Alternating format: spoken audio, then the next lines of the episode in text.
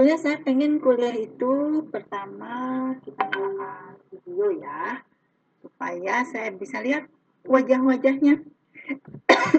Kayaknya baru pertama kali nih uh, kalian diajar oleh saya ya. Saya memang mengajar mulainya semester 4. Jadi baru uh, pertama kali uh, ketemu di kuliah KPLBO. Oh, ada yang kameranya rusak. Oke. Kita sambil nunggu ya. Ini masih azan juga nih, asar tanggung ya. Kita tunggu sebentar sambil temennya yang belum masuk segera disuruh masuk ya. Ini baru 25 anak. Nanti kita nyalakan video dulu, kita dulu sebentar sebelum kita nanti memulai kuliahnya. Hmm. Boleh, boleh. Kalau mau reload boleh ya. Silakan.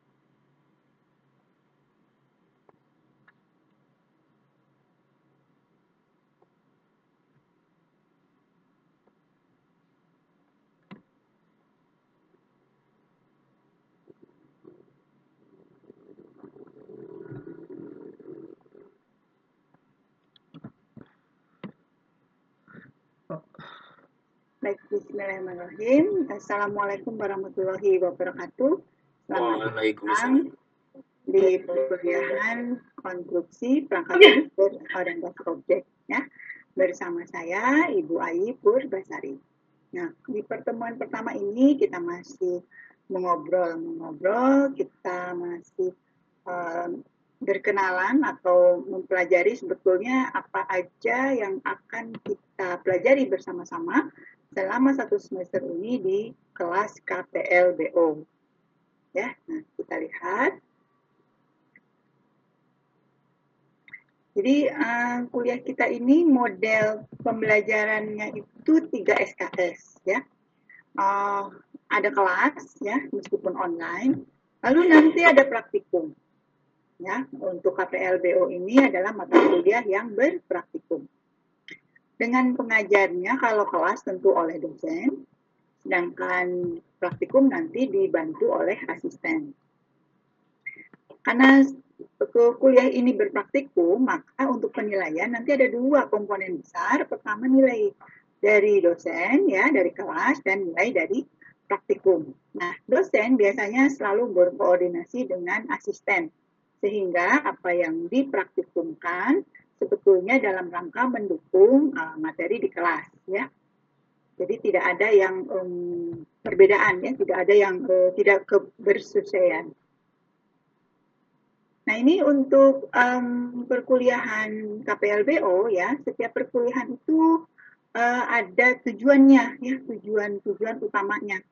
Di sini uh, disebut uh, tujuan uh, pembelajaran ya. Jadi kalau sebuah prodi menyelenggarakan perkuliahan, perkuliahan itu harus ada targetnya. Nah, ini yang disebut dengan capaian pembelajaran ya atau CPL. Nah, jadi untuk KPLBO ini diharapkan ya kalau sudah mengambil kuliah KPLBO, maka pertama eh, anak-anak menjadi mampu mempergunakan kakas tertentu ya untuk mengembangkan solusi berbasis computing.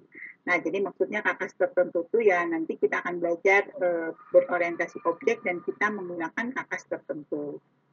Nah, nanti kita juga akan belajar mengimplementasikan ya, di sini yang dimaksud mengimplementasikan itu ya Uh, jadi tidak hanya teori, makanya ada praktek ya, ada pengkodingan, codingnya juga menggunakan uh, kakas tertentu ya, dan bahasa bahasa tertentu. Nah ini dalam rangka supaya kita bisa uh, membangun perangkat lunak ya, ke sananya tuh bisa bikin perangkat lunak uh, dan memahami dasar-dasar uh, konstruksi uh, perangkat lunak berorientasi objek.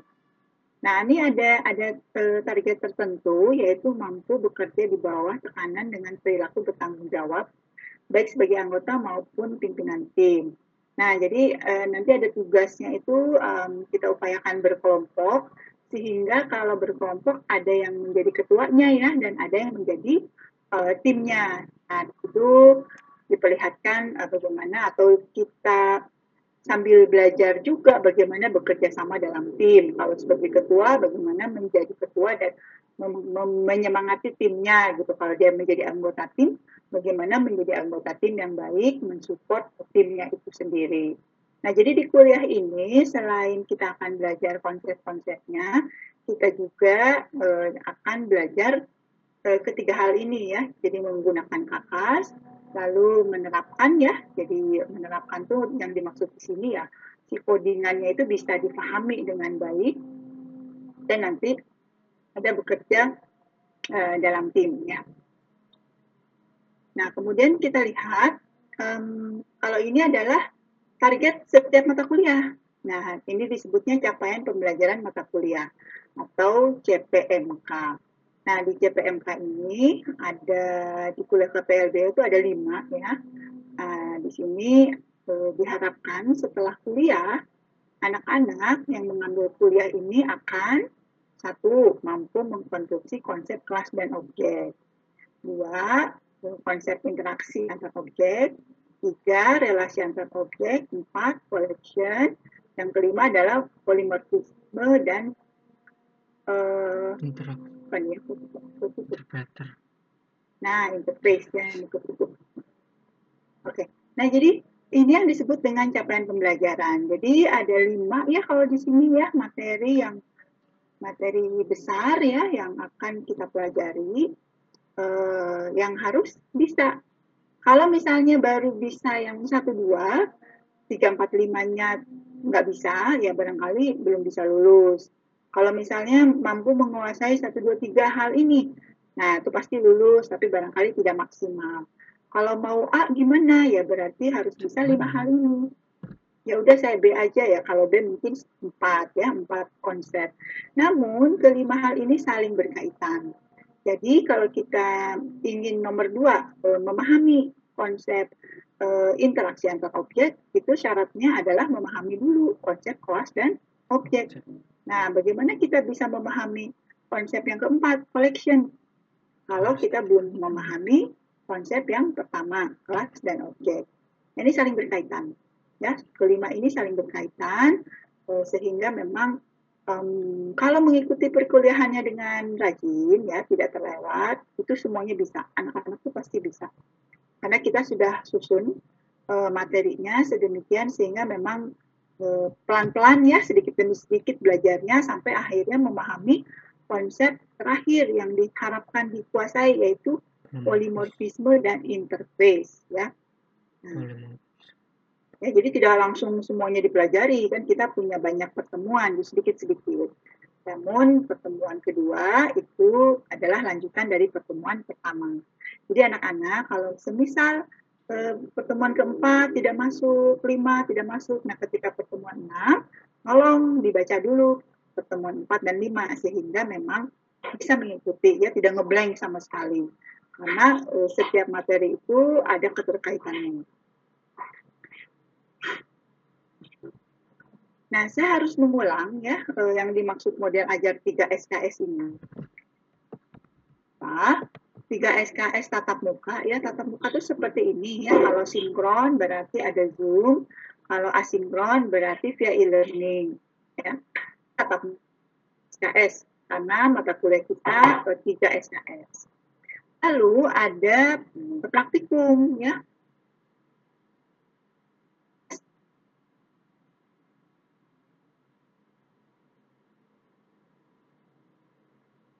tiga S itu kampus. Jadi kita kuliah tiga SKS, sebetulnya yang tiga SKS itu baru di kelasnya, baru tatap muka dengan dosennya. Ada enam SKS yang harus dilakukan secara mandiri, karena tidak mungkin hanya cukup pelajaran yang di kelas aja. Maka harusnya menyiapkan diri 6 SKS untuk menguasai uh, yang sudah diajarkan di kelas itu. Nah, karena ini banyak um, apa ya uh, harus banyak latihan, maka kita bantu dengan praktikum. Di mana praktikum itu akan ada asisten ya dan ada latihan-latihan dalam bentuk modul, semuanya dalam rangka menguatkan materi di kelas. Ya, jadi memang um, praktikum itu belajar ya belajar yang terstruktur. Terstruktur artinya dibantu oleh asisten jadi ada yang mendampinginya. Nah, sedangkan 4 SKS sisanya betul-betul mandiri, silakan belajar di rumah, silakan googling, silakan kerja kelompok dalam tim, dan lain sebagainya.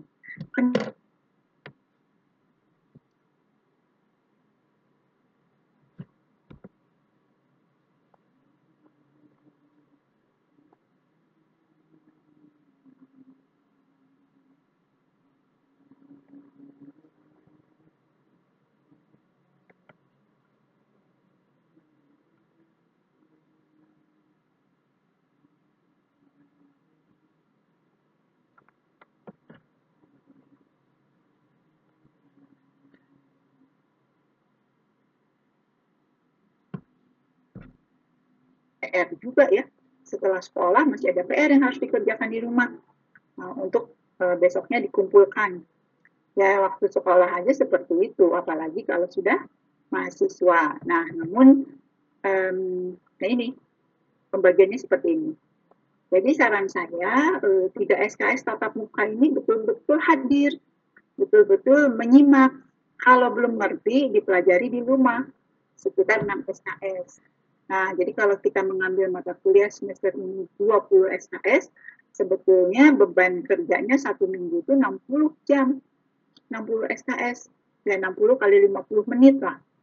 Ya hitung saja 60 jam per minggu. Bisa terbayang ya betapa sibuknya, betapa padatnya. Ya itulah mahasiswa. Bagaimana dengan mahasiswa yang harus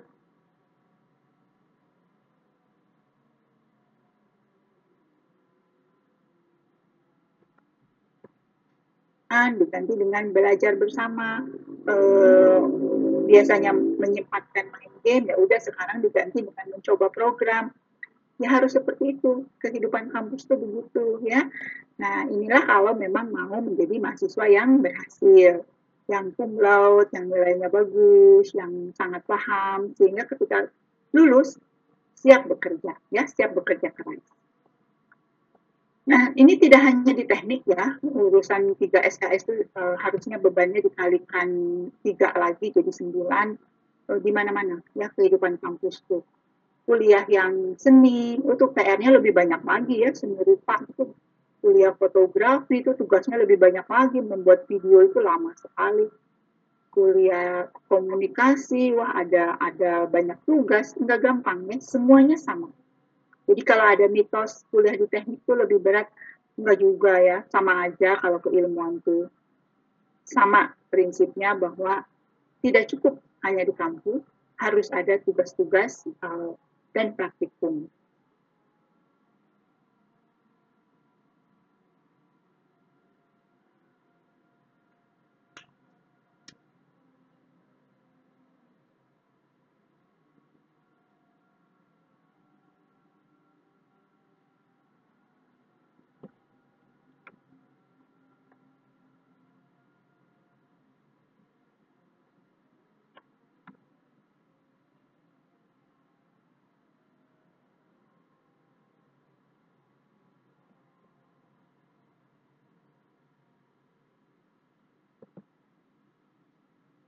Tahu uh, seharusnya seperti apa. Nah mungkin karena kita online ya, jadi terasa lebih capek, lebih banyak, lebih banyak tugas, lebih sulit lah kondisinya.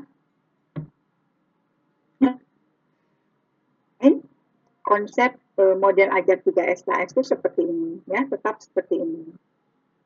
Oke ya, jadi kita samakan lagi persepsi sebagai mahasiswa memang sibuk ya Bagaimana dengan yang memiliki kendala? Tidak apa-apa, justru itu berarti dia hebat. Bisa bisa kuliah sambil bekerja membantu orang tua. Berarti dia e, dua kali lebih hebat daripada mahasiswa kebanyakan ya. Harusnya berbangga ya. Baik ya, ini kembali ya. Jadi diingat, ingat-ingat aja kuliah yang lain gimana nih. E, jangan ada yang terlalu terlalu di apa ya santai banget gitu. Enggak ya sama. Kalau 3 SKS bobotnya sama semua.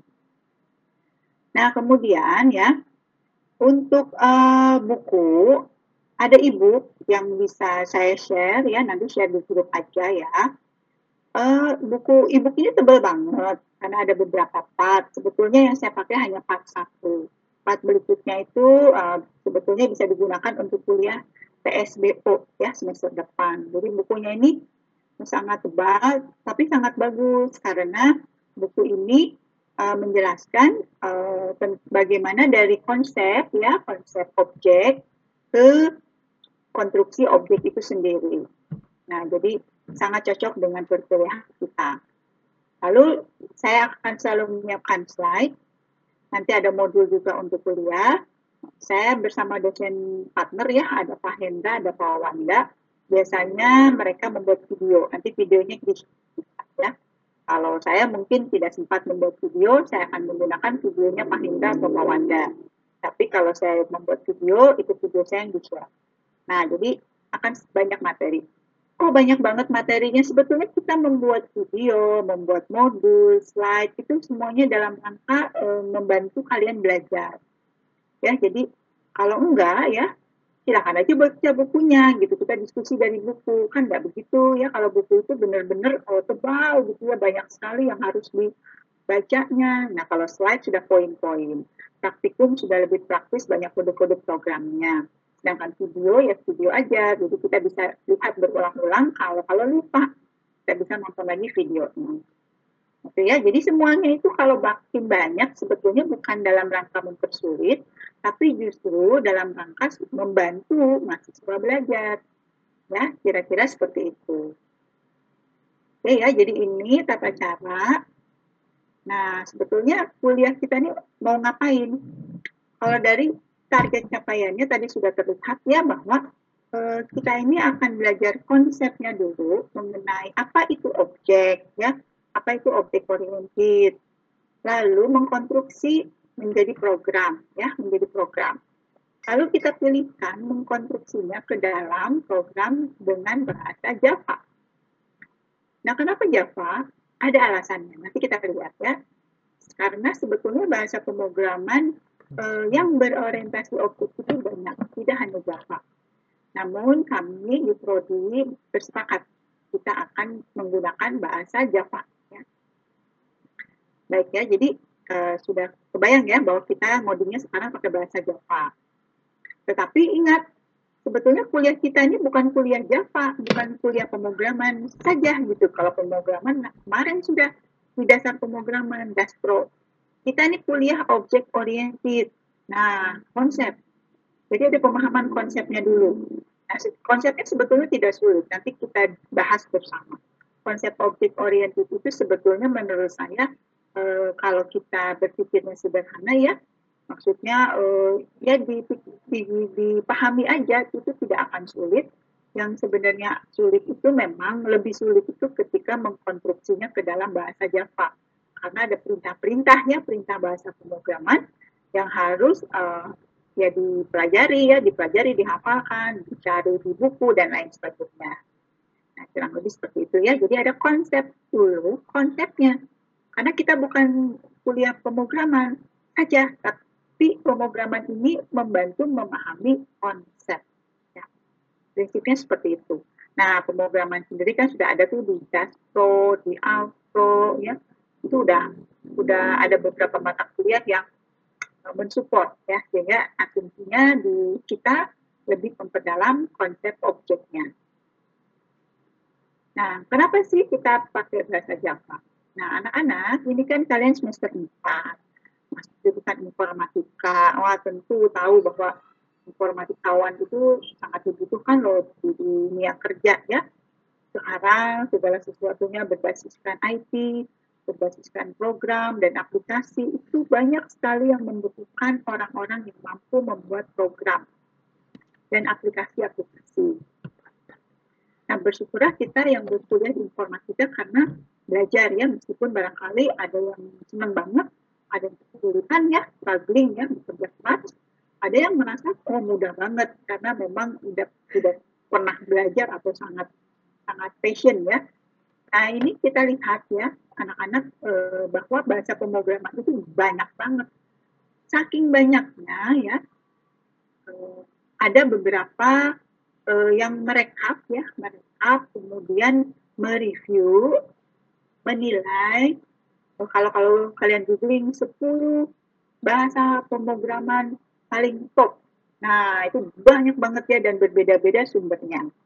Saya mengambil sumber dari situs TOB Index ya. Kenapa ke sini? Karena ini situs yang betul-betul melakukan indexing, meranking bahasa pemrograman.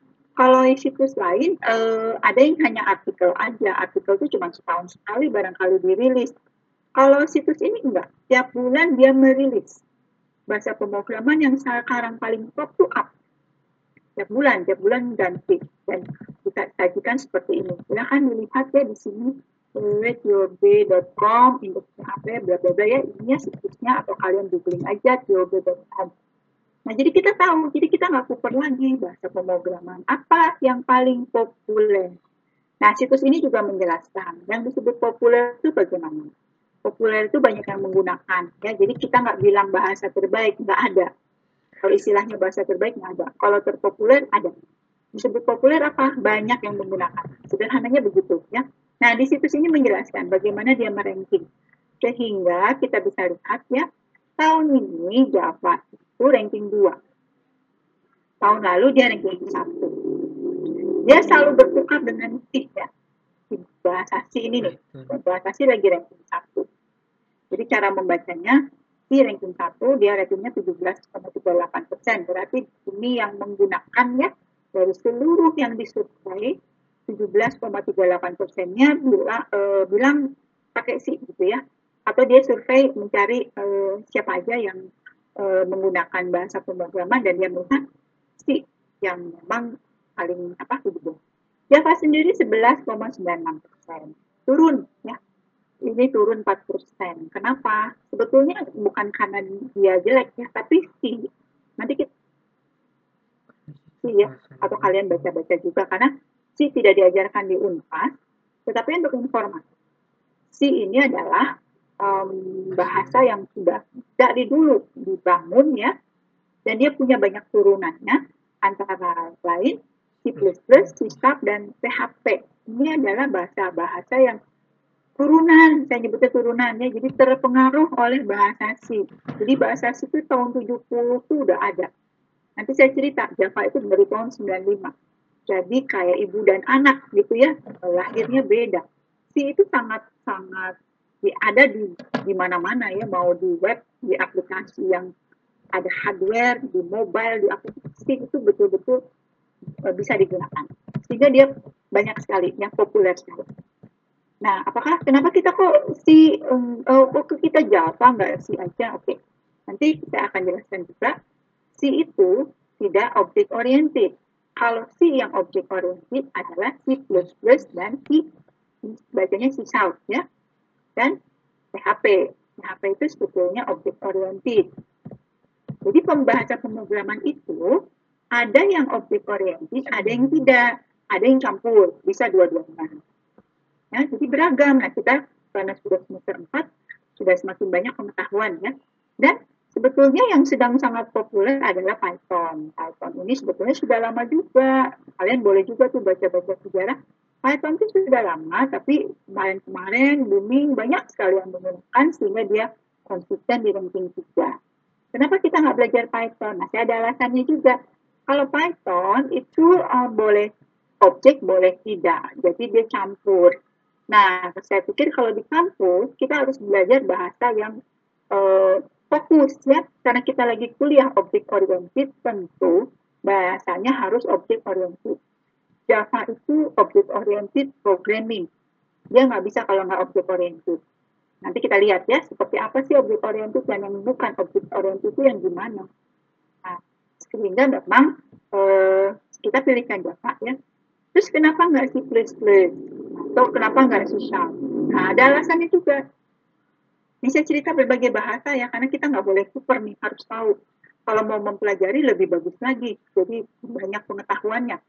Kalau C++ itu kan eh, saya nyebutnya turunan ya biar sederhana aja meskipun yang membuatnya berbeda orangnya berbeda. C++ itu object oriented programming um, yang um, saya nyebutnya turunan lagi ya turunan C. Jadi uh, sintaknya ya sintak itu tata bahasanya C sangat C. Tetapi uh, C++ lebih rumit dari Java saya pertama kali belajar object oriented itu tahun 95 ya, tahun 95. Artinya eh, intinya 99 lah, betul-betul mempelajarinya. Lebih susah gitu ya rasanya, aduh pusing gitu. Begitu pindah ke Java, saya nyebut pindah ya, begitu belajar bahasa Java, kok lebih lebih lebih apa ya? Ya lebih lebih ringkas gitu rasanya tuh tidak terlalu rumit. Karena saya pernah belajar C++ itu bahasa yang buat saya tuh sulit dan buat teman-teman saya juga terasa ya. Java itu lebih lebih mudah sebetulnya. C Sharp ya itu seperti Java. C yang sangat mirip sama Java. Jadi dia tidak tidak lebih rumit dari C++ tapi C Sharp ini platformnya adalah .NET kalian tahu kan? Uh, .NET itu ya itu tidak free. Ya ada ya intinya kalau mau belajar susah um, ya kita harus menyiapkan tools atau kakas yang mendukungnya dan dia tidak tidak tidak free ya artinya tidak apa ya tidak banyak pilihan gitu. Kalau Java itu mudah banget. E, bisa pakai NetBeans bisa pakai Eclipse di coding biasa juga bisa ya pakai pakai notepad itu bisa coding pakai notepad ya. Jadi dari berbagai bahasa dipilihkan Java karena memang satu memenuhi eh, kebutuhan kita yang belajar object oriented dua dibandingkan dengan semua bahasa object oriented ya Java tuh paling cocok ya karena dia itu sangat object oriented tidak campur seperti Python ya Python itu campur. Python itu sebetulnya kata orang paling gampang, tapi Python itu gampang kalau memang kita udah ngerti uh, dasar-dasarnya gitu ya. Jadi um, jadi gini, uh, kalau di Java itu semua tertib. Jadi kata di uh, bahasa pemrogramannya itu uh, tata caranya tuh tertib. Jadi ngodingnya itu kita menjadi programmer yang tertib. Kalau Python itu lebih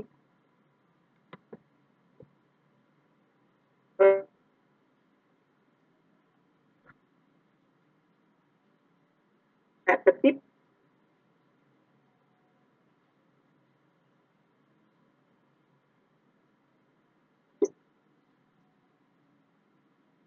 kesulitan.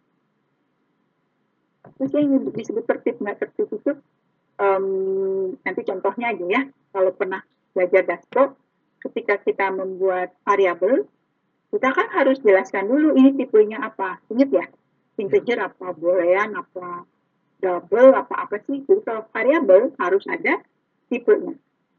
Kalau di bahasa kayak Python nggak usah, nggak usah pakai tipe-tipean, bisa langsung. Begitu dia diisi, variabelnya diisi sebuah angka, otomatis dia tahu oh tipe dia adalah integer. Karena angka yang dimasukkan integer tidak ada deklarasi, tidak perlu, bukan tidak ada ya, tidak usah mendeklarasikan in i gitu ya, in uh, a atau apa sih variabel nama bertipe string. Di Python tuh nggak bisa, nggak usah kayak gitu. Nah itu yang saya sebut tidak tertib ya, jadi wah bebas gitu ya. Kalau di Java nggak bisa. Kalau kita kalian sudah pernah ngoding kan? Kalau kita bikin name, lupa nggak ditulis tipenya, wah dia pasti langsung error. kita pakai variabel name. Tidak pernah dideklarasikan di atasnya. Tipenya apa? Langsung juga error. Nah sambil jalan ya karena ini mereview. Kita biar biar sama persepsi. Saya menyebutnya tertib tertib itu ya seperti yang kalian pelajari di Java ya harus dideklarasikan harus ada tipenya ya terus kita juga nggak bisa ya tipe itu kalau string ya harus diisi string. Masih ingat ya, jadi kalau error-error kenapa ini oh tipenya integer tapi kita ngisi dengan string yang nggak bisa. Itu yang saya sebut tertib. Tapi Python hmm, lebih membebaskan. Silakan pelajari ya. Saya sangat merekomendasikan kita semua bisa Python. Saya sendiri juga sedang belajar ya dan saya senang. Meskipun uh, ya senang aja saya senang. Saya Eh, bahasa-bahasa pemrograman itu saya pelajari meskipun tidak mungkin semuanya dikuasai dengan baik. Nah ini, ini boleh Cooper kita harus tahu nih bahasa-bahasa yang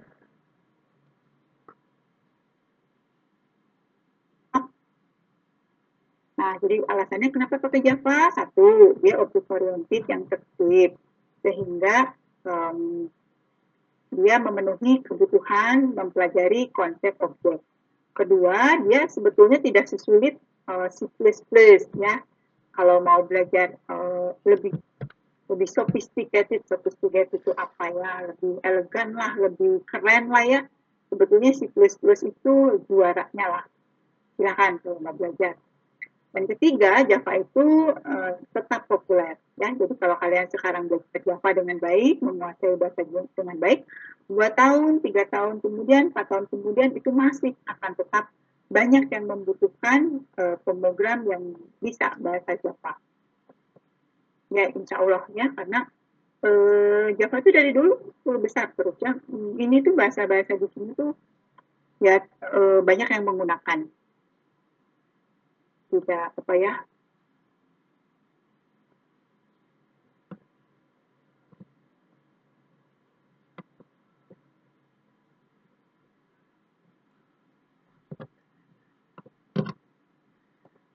Karena itu untuk apa ya?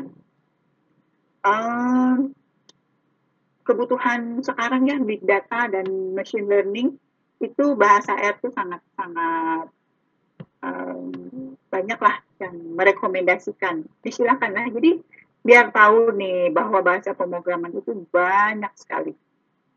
Oke, okay? dan Prodi memilihkan yang kira-kira pas ya untuk kebutuhan perkuliahan kita dan uh, cukup uh, populer, cukup uh, diakui di uh, seluruh penjuru dunia ya, bukan cuma di Unpas, sedunia. Oke, ini jelas ya. Silakan lihat situs dan rajin-rajin googling uh, top 10 programming uh, dan lain sebagainya ya, supaya berasa jadi anak informatika. Nah, sekarang ke materi ya bahwa uh, kita sekarang sih pengangkat dulu. Kalau sempat nanti kita akan belajar yang pertama yaitu konsep konsep object oriented. Ya, di sini kita akan belajar apa itu kelas, apa itu objek. Karena sudah pernah mengcoding dengan Java uh, sebelumnya, maka tinggal memperhatikan apa sih objek itu gitu. Apa itu kelas, apa itu objek. Nah, nanti ada konsep yang namanya abstraksi. Ini juga memang kita kita diskusikan ya. Kalau belum paham, boleh kita diskusikan bersama-sama. Kemudian ada materi object interaction ini nanti kita belajar metode dan apa yang disebut dengan konstruktor. Ada relation between object, ini relasi antar objek. Nanti kita akan belajar yang namanya asosiasi, agregasi, komposisi, dan inheritance. Nah, ini konsepnya dulu, lalu dipraktekkan di bahasa Java-nya. Kemudian nanti belajar collection. Nah, dari namanya aja collection, berarti kan koleksi itu benda-benda yang banyak. Kita akan belajar array. Ya. Dan array list, ada yang namanya array list kalau di Java. Lalu yang terakhir di final concept kita akan belajar polimorfisme, ada namanya kelas abstrak, lalu ada interface. Kalau dari sini kelihatan ya materinya cukup banyak tapi memang kita pelajari uh, bertahap. Sehingga kalau bisa mengikuti dengan baik, insya Allah ya sampai ujung ke sini uh, semuanya dipahami, dikuasai.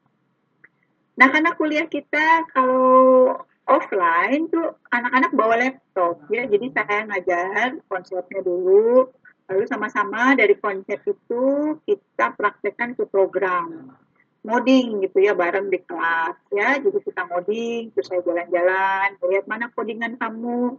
Bu error. Oh saya lihat oh kamu errornya gini. Siapa yang udah selesai? Ngacung nah kalau offline tuh enak ya kelasnya itu bawa laptop masing-masing ngoding sama-sama.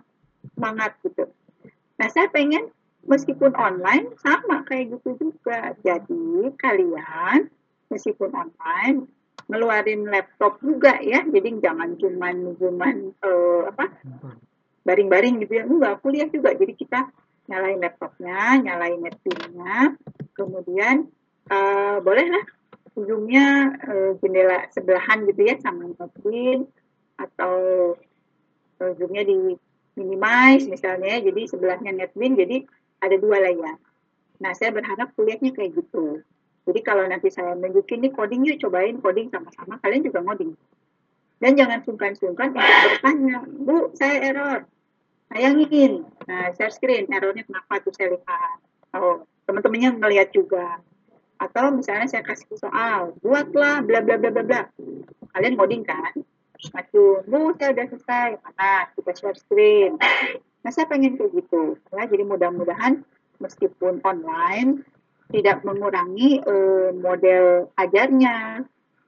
Uh, karena sayang ya kalau udah online terus kamu cuma dengerin saya gitu nggak nggak mencoba mempraktekkan nggak coba ngoding ah nanti aja.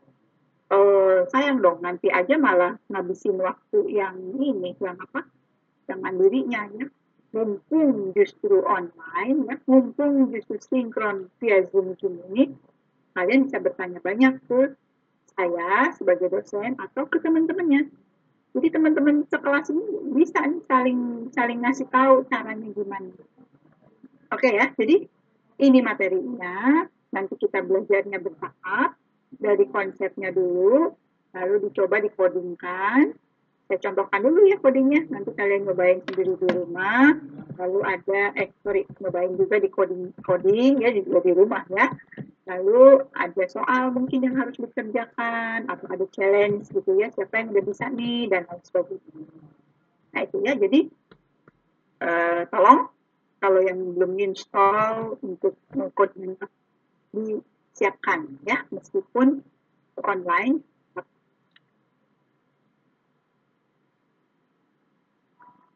Nah, ini yang akan kita nilai ya. Jadi ada tugas ya, ada ujian. Jangan lupa banyak tugas sih komponennya ya. Biasanya tugas ini tugas-tugas uh, untuk mengulang materi. Jadi bukan tugas yang besar ya, bukan tugas yang apa ya sebetulnya untuk memastikan bahwa uh, materi hari ini bisa uh, keinget gitu materi hari ini tadi apa ya gitu kemudian kita juga ada penilaian yang sifatnya pengamatan. Ya kalau di, di pembelajaran itu gitu kita harus mengamati mana anak yang aktif mana anak yang mandiri mana yang kesulitan. Jadi nggak usah uh, khawatir ya kalau misalnya memang nggak ngerti justru nanya. Kalau misalnya error terus justru harusnya nanya. Menunjukkan keaktifan. Jadi meskipun nggak bisa gitu ya sederhananya mah ya nggak ngerti-ngerti nggak jalan-jalan tapi dia aktif justru masuk ke penilaian sikap bahwa dia sudah berupaya keras. Nah jadi jangan uh, kalau diem terus malah nggak dapat nilai ininya. Nggak dapat nilai keaktifan. Nah kemudian karena ini mengcoding ya um, saya akan mencoba mempelajari uh, alat coding yang uh,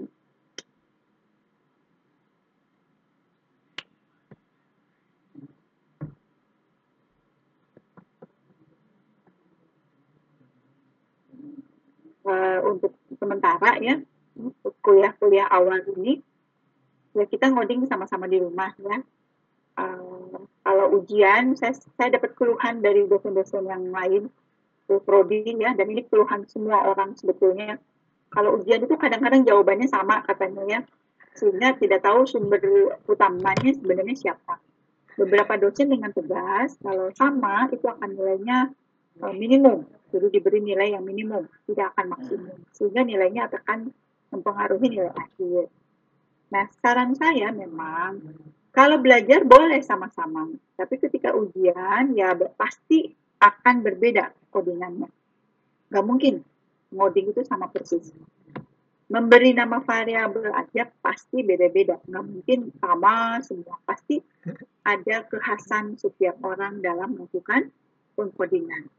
Nah, jadi di penilaian, eh, saya akan lihat ya semua komponen ini.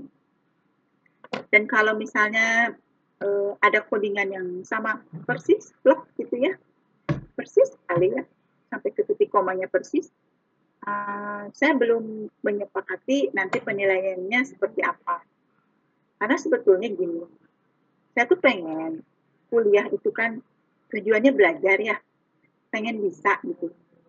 Nilai penting, karena nilai itu kan nanti mempengaruhi transkrip dan lain sebagainya.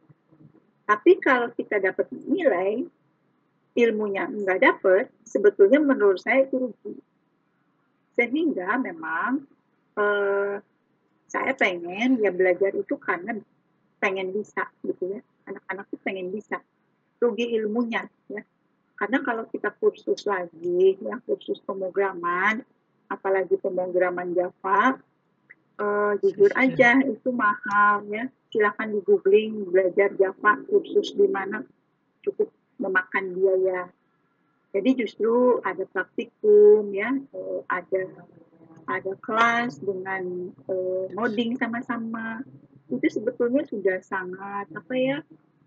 Ya yes, kita udah upaya sama-sama gitu ya jadi nggak usah kalau kalian malah nanti uh, copy paste gitu ya codingan.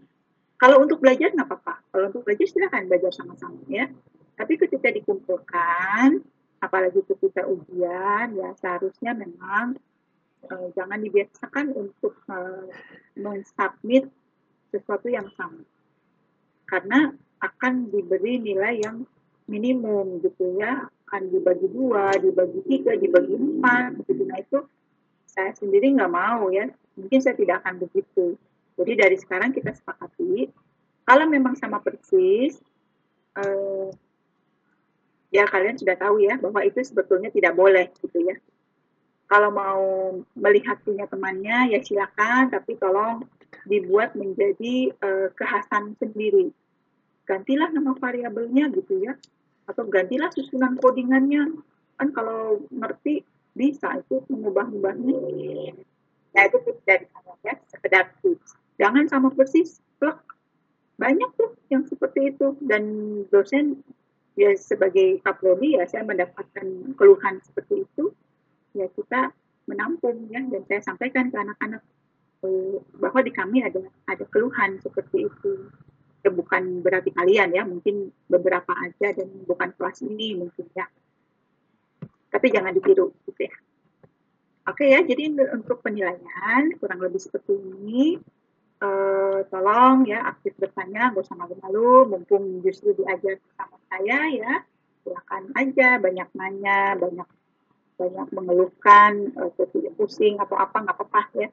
Karena kalau saya justru berpikir uh, kalau kuliah itu nggak apa-apa nggak bisa. Nggak apa-apa ya kalau nggak ngerti mah wajar ya mendingan sekarang nggak ngertinya daripada kalau udah lulus kerja ya. Mesti nanya ke siapa. Kalau udah kerja mah nggak boleh nggak bisa. Harus bisa kalau nggak dipecat nggak dibayar. Tapi kalau kalau kalau lagi belajar gini mah justru nggak apa-apa nggak bisa ya. Justru mumpung nggak bisa makanya kita belajar Oke ya, jadi ini tentang kelas. Mudah-mudahan kita satu persepsi, tidak ada lagi pertanyaan kenapa pakai Java atau apa gitu ya. Uh, sekali lagi yang perlu ditekankan adalah kita belajar dari konsepnya dulu ya. Baru nanti si konsep itu kita codingkan di Java-nya seperti apa. Supaya pemahaman konsepnya dibantu oleh praktek di pemrogramannya. Yang kedua, kita akan coding ya. Jadi kalian uh, siapkan juga laptopnya kalau ada error langsung aja minta tolong nanya gitu ya nanti kita carikan eh, kira-kira masalahnya di mana oke okay.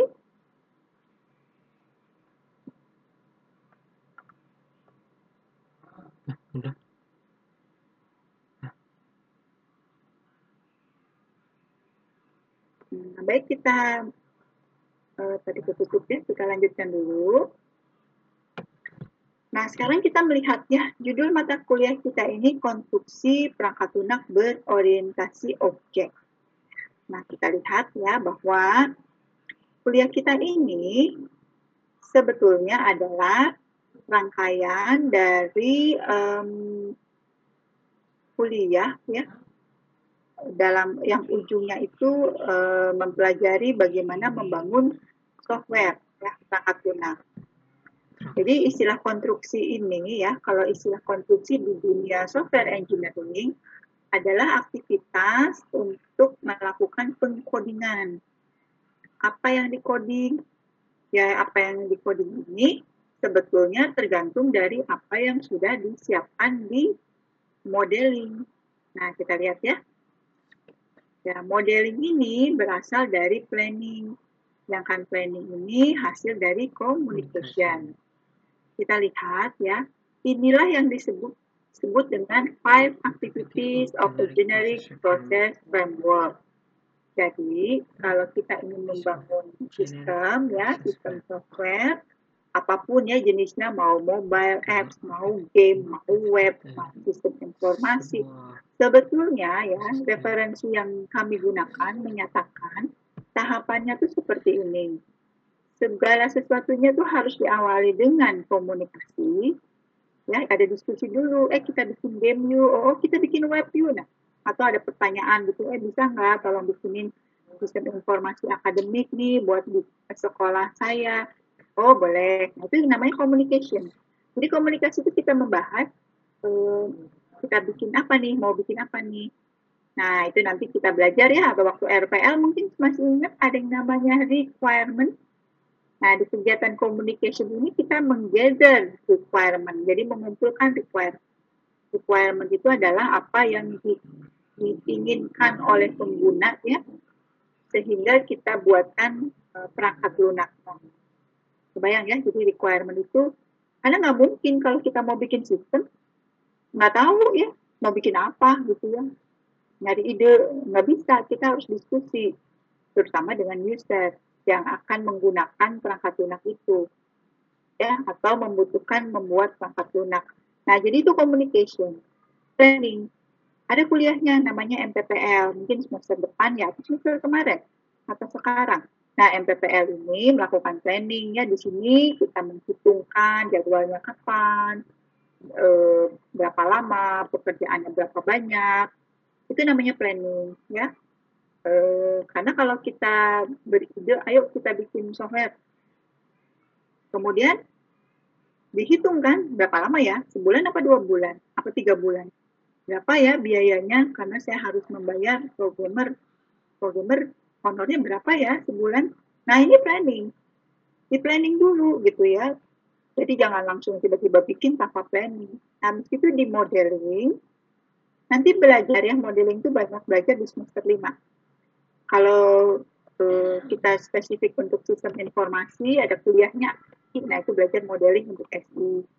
Ada juga kita kuliah yang uh, lebih ke secara umum ya, itu di pembangunan sistem atau PSBO itu kita membuatkan model-model. Kita menggambar-gambar diagram ya. Mungkin waktu RPL sudah pernah diperkenalkan. Nanti itu diperdalam di pemodelan. Lalu barulah kita konstruksi. Konstruksi itu mengcoding mengcoding jadi istilahnya itu konstruksi nah sebetulnya tidak hanya coding konstruksi itu di sini juga ada testingnya ya code generation and testing Ya, jadi sebetulnya namanya konstruksi itu coding dan testing. Lalu kalau sudah dikonstruksi kan jadi tuh programnya ya, jadi softwarenya. Barulah kita melakukan yang namanya deployment. Apa itu deployment? Deployment itu memasangkan aplikasi kita di tempat user. Kan kalau kita e, mengcoding kan di laptop masing-masing ya. Nah, kan usernya uh, beda laptopnya. Kita harus pindahkan codingan kita ke tempat uh, user nanti akan menggunakan. Itu namanya deploy. Setelah di deploy ya, kalau web, kalau berarti harus di hosting. Kalian uh, sudah pernah juga kan belajar web ya, itu di hosting ya. Nanti usernya menggunakan. User itu harus diajarkan cara menggunakannya. Bagaimana cara login, bagaimana cara mengklik menu dan lain sebagainya ya itu semuanya kegiatan yang namanya deployment. Jadi kalau membuat sistem itu sebetulnya secara umum generik ya tahapannya itu begini. Dan salah satu tahapan yang sangat penting adalah konstruksi. Maka muncullah kuliah kita ini namanya konstruksi perangkat lunak berorientasi objek. Mudah-mudahan paham ya. Jadi keterkaitan dengan mata kuliah sebelumnya atau mata kuliah lain, kebayangkan karena ini ada di dalam generic proses ini. Oke? Okay? Nah, sekarang kita lihat lagi. kalau untuk kuliah coding di kita ya di konstruksi, uh, kalau untuk testing nanti di perkuliahan semester genap ya ada kuliah namanya kuliah verifikasi dan validasi perangkat lunak. Itu isinya uh, testing. Saya ngajar juga ya bersama tiga dosen lainnya. Jadi coding dan testing sebetulnya konstruksi itu itu. Nah, namun um, kita lihat ya uh, testing itu cukup spesifik jadi dipisahkan ya satu perkuliahan sendiri. Kemudian uh, di konstruksi ini karena konstruksi itu kalau kita lihat tadi kan setelah pemodelan. Karena itulah dilihat kembali ya uh, kita pernah belajar yang namanya UML masih ingat ya di kuliah RTL mungkin diajarkan. Kemudian ada yang namanya kelas diagram. Nah, karena kita akan belajar kelas dan objek, maka tolong dilihat mengenai kelas diagram. Kalau yang, aduh lupa Bu, UML kayak apa? Ya, nggak apa-apa, kita baca-baca lagi, belajar lagi sama-sama. UML itu uh, untuk uh, pemodelan ya, modeling. Unified Modeling Language, pemodelan semua. Tetapi memang untuk konstruksi uh, banyak sekali diagram ya, ada diagram use case, masih ingat use case? hmm. ada diagram sekuen nggak usah nggak usah. Nggak usah dipakai di kelas kita. Di kelas kita yang digunakan adalah diagram kelas. Ya kelas diagram saja oke? Okay? nah ini. Ya jadi eh, apa yang harus kita siapkan di kuliah konstruksi? Tadi sudah terbayang untuk konsepnya kita akan dibantu oleh kelas diagram. Untuk codingnya kita akan menggunakan bahasa Java. Dan silakan diinstal toolsnya ya. Mau NetBeans mau Eclipse atau mau Visual Code gitu ya. Jadi hanya uh, bebas. Nanti di compile dijalankannya uh, bebas terpisah ya oke jadi ini perkuliahan kita. Seperti apakah kelas diagram? Ini saya review aja ya kelas diagram itu kelas yang bentuknya kotak ada tiga area. Area yang paling atas itu adalah nama kelasnya, area yang tengah adalah para atribut, sedangkan area yang paling bawah adalah metode. Ya, jadi uh, gambarnya seperti ini. Inilah kelas diagram yang dimaksud. Nah, kita karena kita tadi ya eh, belajar konsep dulu, konsepnya dibantu oleh membuat kelas diagram. Sedangkan codingnya nanti ini pakai NetBeans, ini NetBeans yang lama ya. Kita bisa mengcoding di NetBeans. Kalau kalian nggak punya NetBeans, nggak apa-apa. Yang penting bisa digunakan untuk mengcoding Java. Oke, jadi nanti kita sekalian belajar juga hubungannya kelas diagram dengan codingan Java. Bagaimana hubungannya?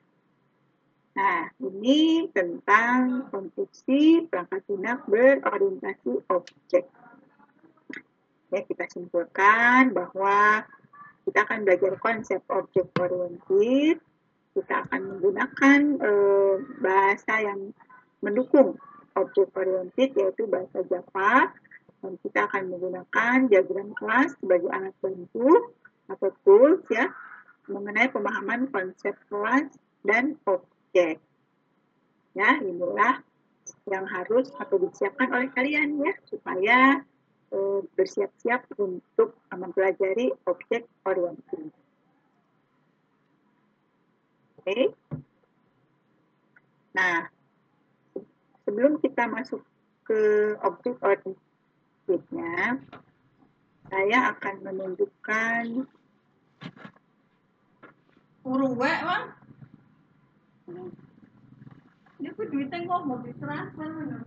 Review kembali ya terkait dengan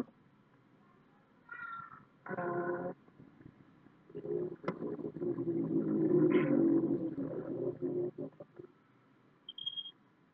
Java-nya itu sendiri.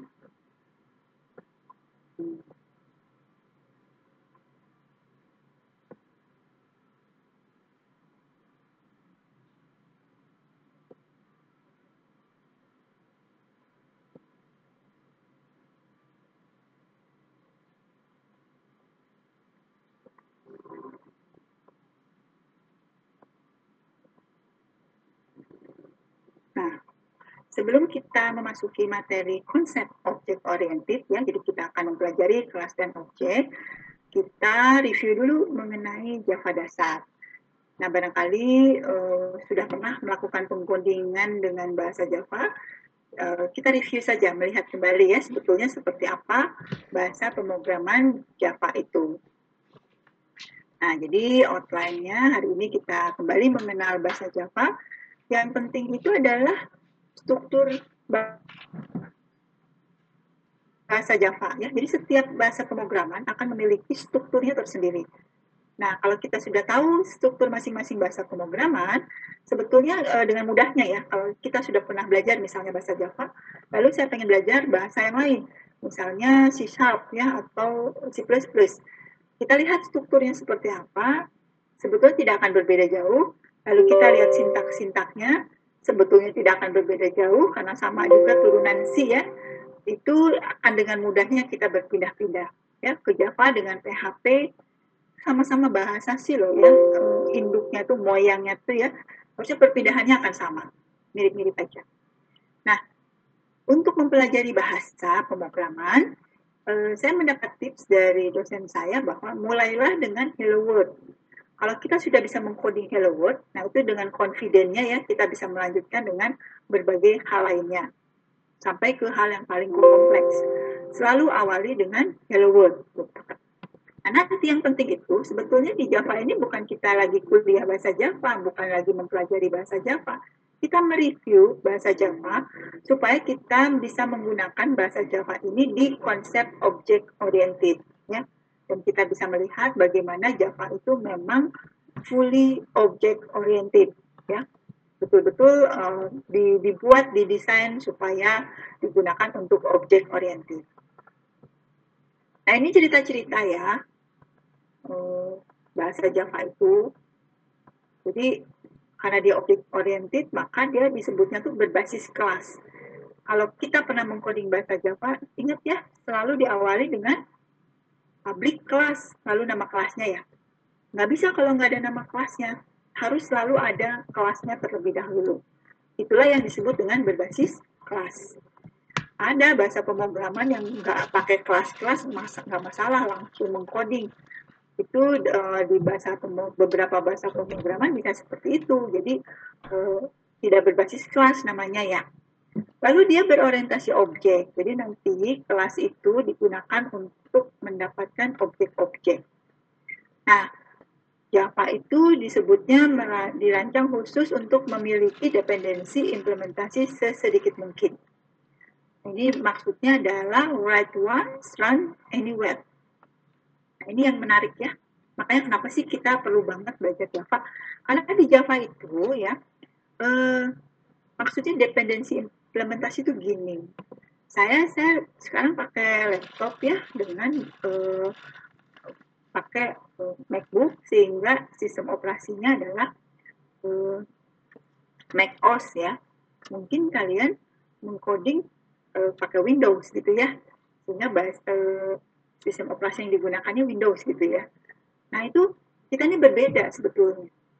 Tapi Java nggak masalah codingan saya ya yang nanti saya coding pakai bahasa Java saya compile lalu saya kasih kalian itu jalan di tempat kalian nggak masalah. Nah ada beberapa bahasa yang tidak bisa seperti itu. Dia sangat tergantung dari um, dari platform istilahnya ya platform itu adalah uh, hardware dan sistem operasi yang digunakan itu berbeda gitu ya begitu berbeda dia nggak bisa jalan. Ada bahasa pemrograman yang seperti itu. Kalau Java, nah itu istilahnya dependent ya, sangat tergantung dari sistem operasi dan hardware-nya.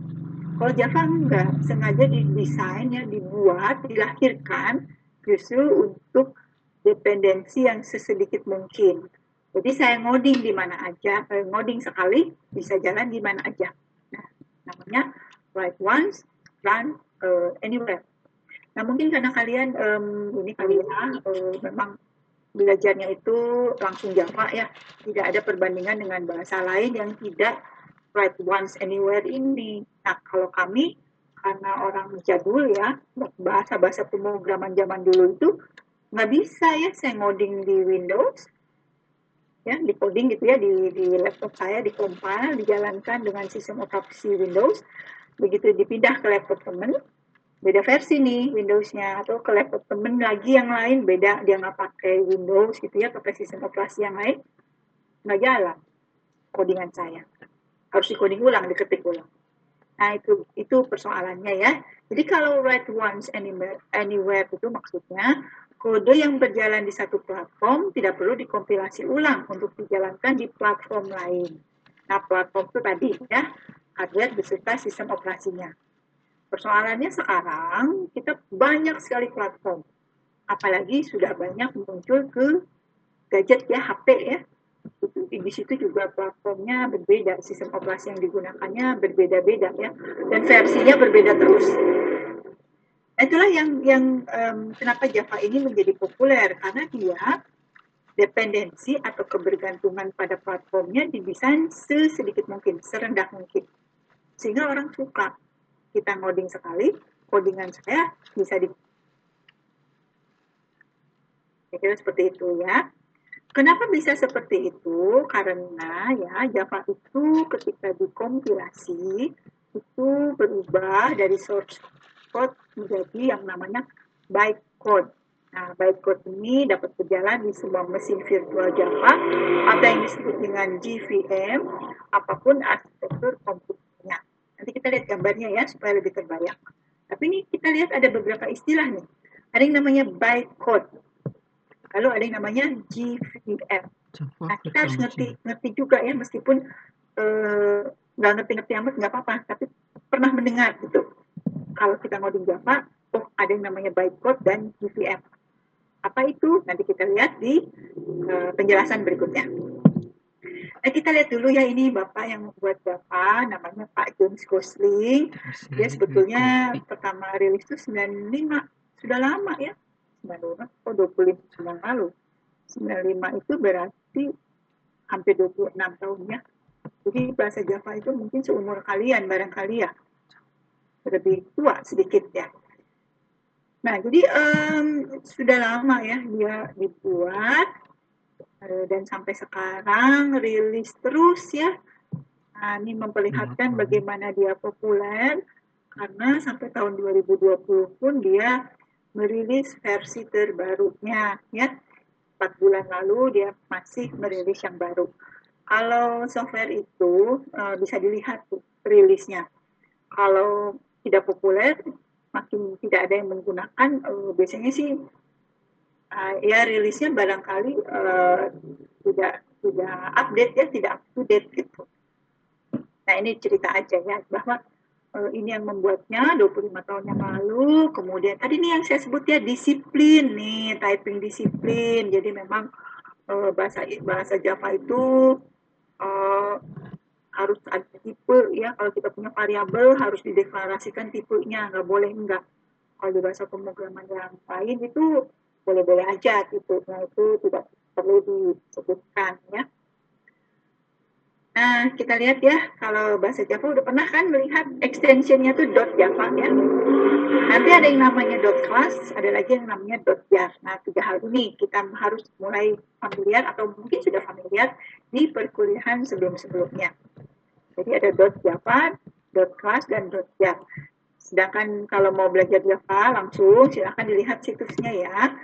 Java itu di bawah Oracle. Oracle itu nama perusahaan yang membeli dan yang mengembangkan uh, Java ini. Nah kita harus tahu historisnya dulu nih, biar mengenal lebih baik. Tapi di ujian ya nggak akan ditanyakan ya siapakah pembuat Java. Harusnya mah kita uh, tahu lah ya seperti kita mengetahui siapa yang membuat Facebook, siapa yang punya Google, nah itu sebagai informatikawan nggak boleh super karena orang orang aja tahu gitu ya, masa kita nggak tahu. Nah bahasa Java ini ya influence artinya dia uh, uh, ini ya apa uh, by oleh ya influence by jadi dipengaruhi oleh gitu. Kalau influence hmm, ya ini saling mempengaruhi lah. Kita bisa lihat ya bahwa, bahwa kok banyak banget bahasa pemrograman itu pusing. Ya saya juga nggak tahu semua ini. banyak banget ya. Ada ada bahasa ada. Saya pernah belajar bahasa ada. Lucu ya namanya ada. Ada bahasa ada gitu. Emang ada kemudian C sharp nah saya cuma tahu ini aja. Ada C sharp PHP Kotlin. Kotlin lagi populer ya? Belum pernah saya ya Sharp Python Python tahu lah nah Pascal ya ini bahasa-bahasa yang saling berkaitan ya saling berpengaruh. Maksudnya gini sih kalau mau menunjukkan ini artinya uh, kita belajar satu bahasa pindah ke bahasa lain sebetulnya mudah ya. Jadi kalau di kampus belajarnya PHP Java pas kerja aduh disuruh pakai bahasa sih. Harusnya sih nggak masalah ya karena sebetulnya secara konsep mirip-mirip aja tapi bahasanya sedikit secara sintaks secara tulisan gitu ya berbeda sedikit tapi nggak usah takut nggak usah khawatir Nah ini maksudnya saya mau cerita, oh, dunia pemrograman itu rame ya. Dan kita pilih, udahlah mah Java aja dulu, gitu ya, belajar satu aja. Kalau mau expert, ya satu bahasa aja dipilih. Gitu. Ya, jangan sama sekali nggak ada. Ya kadang-kadang waduh prihatin ya kalau oh, saya nggak bisa ngoding. Waduh gitu ya. Sayang nih informasi kawan tapi ada passion ngoding. Semua nggak bisa. Oke, oke kita cari yang gampang ya. Kita belajar lagi dari awal tapi ah, tahu lah pernah nyobain. Jangan pengen sama sekali ya. Karena orang lain pengen banget bisa pemrograman. Kita orang ya kok malah nggak mau gitu ya. Mungkin karena kuliahnya ngerasa susah. Oke ya namanya juga lagi belajar susah payah. Tapi kalau udah selesai cobalah dipilih ya satu aja yang memang kita jadikan bekal untuk mencari kerja ya mencari penghidupan yang lebih baik. Ini tuh bekal. Bisa ngoding itu benar-benar bekal uh, masa depan insya Allah ya. Karena banyak sekali yang membutuhkan program. Nah kembali ke sini ya. Oh, ini udah tahu ini namanya duk ya. Duk ini uh, slogan nah apa ya namanya? Logo maskot maskot. Nah maskot ya saya nggak ngerti makhluk apa tapi memang lucu sih. Hidungnya merah gitu ya. Saya senang kalau saya searching si book, book buku ya. Di mana-mana ya. So, banyak banget dan gambarnya macam-macam. Nah, ini uh, maskotnya. Ini kembali ya ke situs ini yang indeks saya selalu mengintip uh, bahasa-bahasa populer ya. Top 10-nya apa aja supaya kita nggak ketinggalan ya nggak ketinggalan update Nah, kemudian ini kita, oh, ini kecil sekali ya tulisannya ini rilis sejarah Java, rilisnya kita lihat saja yang tadi aja ya bahwa e, mulainya 95 dan di 2020 masih terus dikembangkan. Jadi hidup terus ya artinya memang populer dan kalau kita menguasai bahasa Java dengan baik lima tahun ke depan, 10 tahun ke depan, saya yakin ini pasti masih populer juga ya. Meskipun memang orang banyak bilang Python, Python, itu silahkan ya itu bahasa yang sangat populer juga saya perkenalkan berbagai platform Java. Jadi Java ini ada yang disebut micro edition. Ini buat semua yang uh, mikro ya. Ada untuk HP ya. Ada juga yang untuk kartu. Sekarang mah banyak ya kartu cerdas. Ya dari dulu sih smart card itu. Tetapi sekarang makin banyak ya. Nah itu yang di smart card itu ada codingannya di situ. Nah codingnya itu sebetulnya micro editionnya Java. Gitu bisa dikodingkan di situ smart card ya.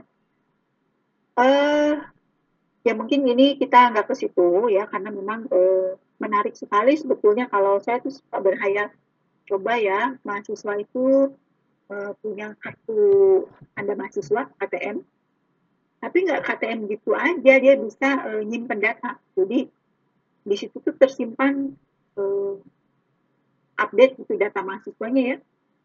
Jadi uh, tidak hanya data si mahasiswa tapi mungkin gitu ya ada data lainnya yang kita bisa taruh di situ. Sehingga kalau membutuhkan informasi ya lihat aja di, di smartnya entah nilainya, entah alamatnya, entah nomor HP-nya, ya nggak tahu ya pokoknya itulah uh, perannya kartu cerdas itu gitu ya. Nah, kita nggak ke situ, tapi ini boleh ya dijadikan riset karena memang uh, rame, rame itu maksudnya banyak yang tertarik pada hal ini.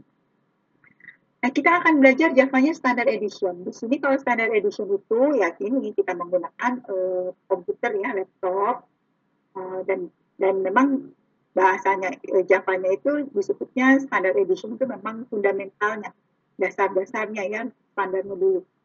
Sebetulnya kalau mau advance kita bisa ke enterprise edition ya di situ uh, untuk sistem yang lebih besar ya kita juga belajar web. Java juga ada.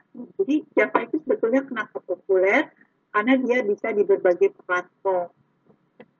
Saya nggak pernah dengar sih eh, PHP untuk hard pokoknya nggak ada ya kayaknya nah kita belum ekspor karena ya nggak pernah dengar nah ini Java itu banyak di berbagai platform sehingga memang uh, banyak orang yang menggunakan. Sekali lagi kita akan belajarnya standar edition dulu ya, tapi tidak menutup uh, eksplorasi kalau ingin berpindah ke uh, yang lain, ke mikro ataupun ke enterprise. Ya, sangat bisa dipelajari.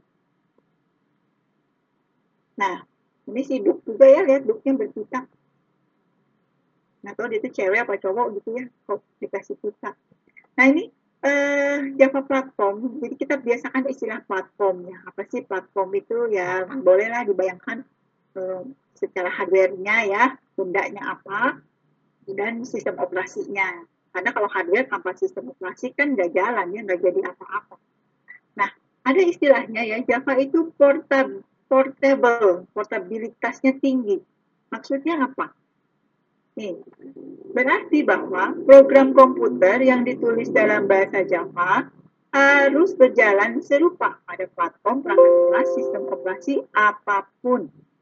Nah, janjinya seperti itu. Tidak semua bahasa pemrograman itu portable.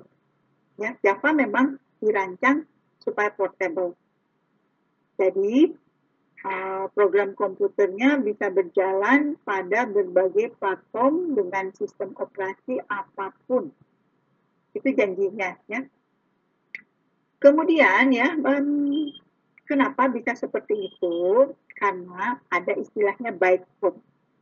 Kita nanti lihat aja langsung gambarnya ya, bytecode itu apa.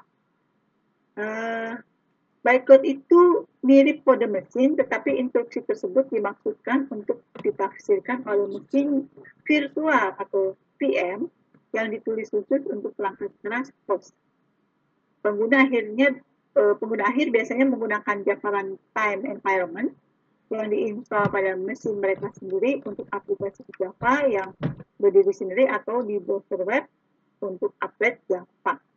Oke, kita lihat dulu gambarnya ya supaya kalian lebih terbayang. Nah, gini. Kalau kita ngoding, kita ngoding itu kan ngetik ya, ngetik gitu. Itu namanya apa? Source code. Oke okay, ya, source code. Apa yang kita ketik, apa yang kita coding namanya source code. Nah, kalau di Java seperti ini kan, public class. Nah, ada kelasnya ya, karena class base kan, Java itu berbasis kelas. Public class example. Nah, ini kode Java, Java code atau source code. Oke, okay? ketika dia dikompil, ya, kalian mungkin pernah belajar, sudah belajar belum ya bahwa source code ini kan cuma ketikan. Oh bisa jalan ya, bisa dijalankan, lalu dia bisa menghitung, bisa segala macam. Karena dia dilakukan kompilasi terlebih dahulu. Compile, ya. Semua bahasa pemrograman dilengkapi dengan compiler semua ya. Kalau nggak ada compiler ya oh, nggak bisa ya. Nah ini. Oke okay. jadi di compile ya. Di compile setelah di compile dia di generate menjadi yang namanya bytecode jadi dari source code berubah menjadi bytecode bytecode akan dieksekusi. Dieksekusi itu dijalankan. Run gitu ya. Di run F9 atau F6 ya, nah dijalankan. Nah, ketika jalan sebetulnya program itu kan kalau kita ngetik program, ketika dijalankan, dia tuh jalan di atas sistem operasi. Disebutnya di running gitu ya, eh, di atas sistem operasi. Kalau kita belajar sistem operasi, mungkin di di mana belajar sistem operasi ya di infrastruktur pendukung aplikasi ya. Eh, kita tahu bahwa uh, hardware ya laptop kita install sistem operasi lalu kita install berbagai aplikasi aplikasi itu berjalan di atas sistem operasi. Kita nyebutnya seperti itu. Nah, program Java juga sama ya. Ketika dia di coding, diketik, ketika dikompil, dia bersiap file yang namanya bytecode file dengan ekstensinya .class dan dia nanti ketika dijalankan dia jalan di atas yang namanya Java Virtual Machine. Nah inilah yang uh, membuat program Java bisa berjalan ya di atas sistem operasi apa pun.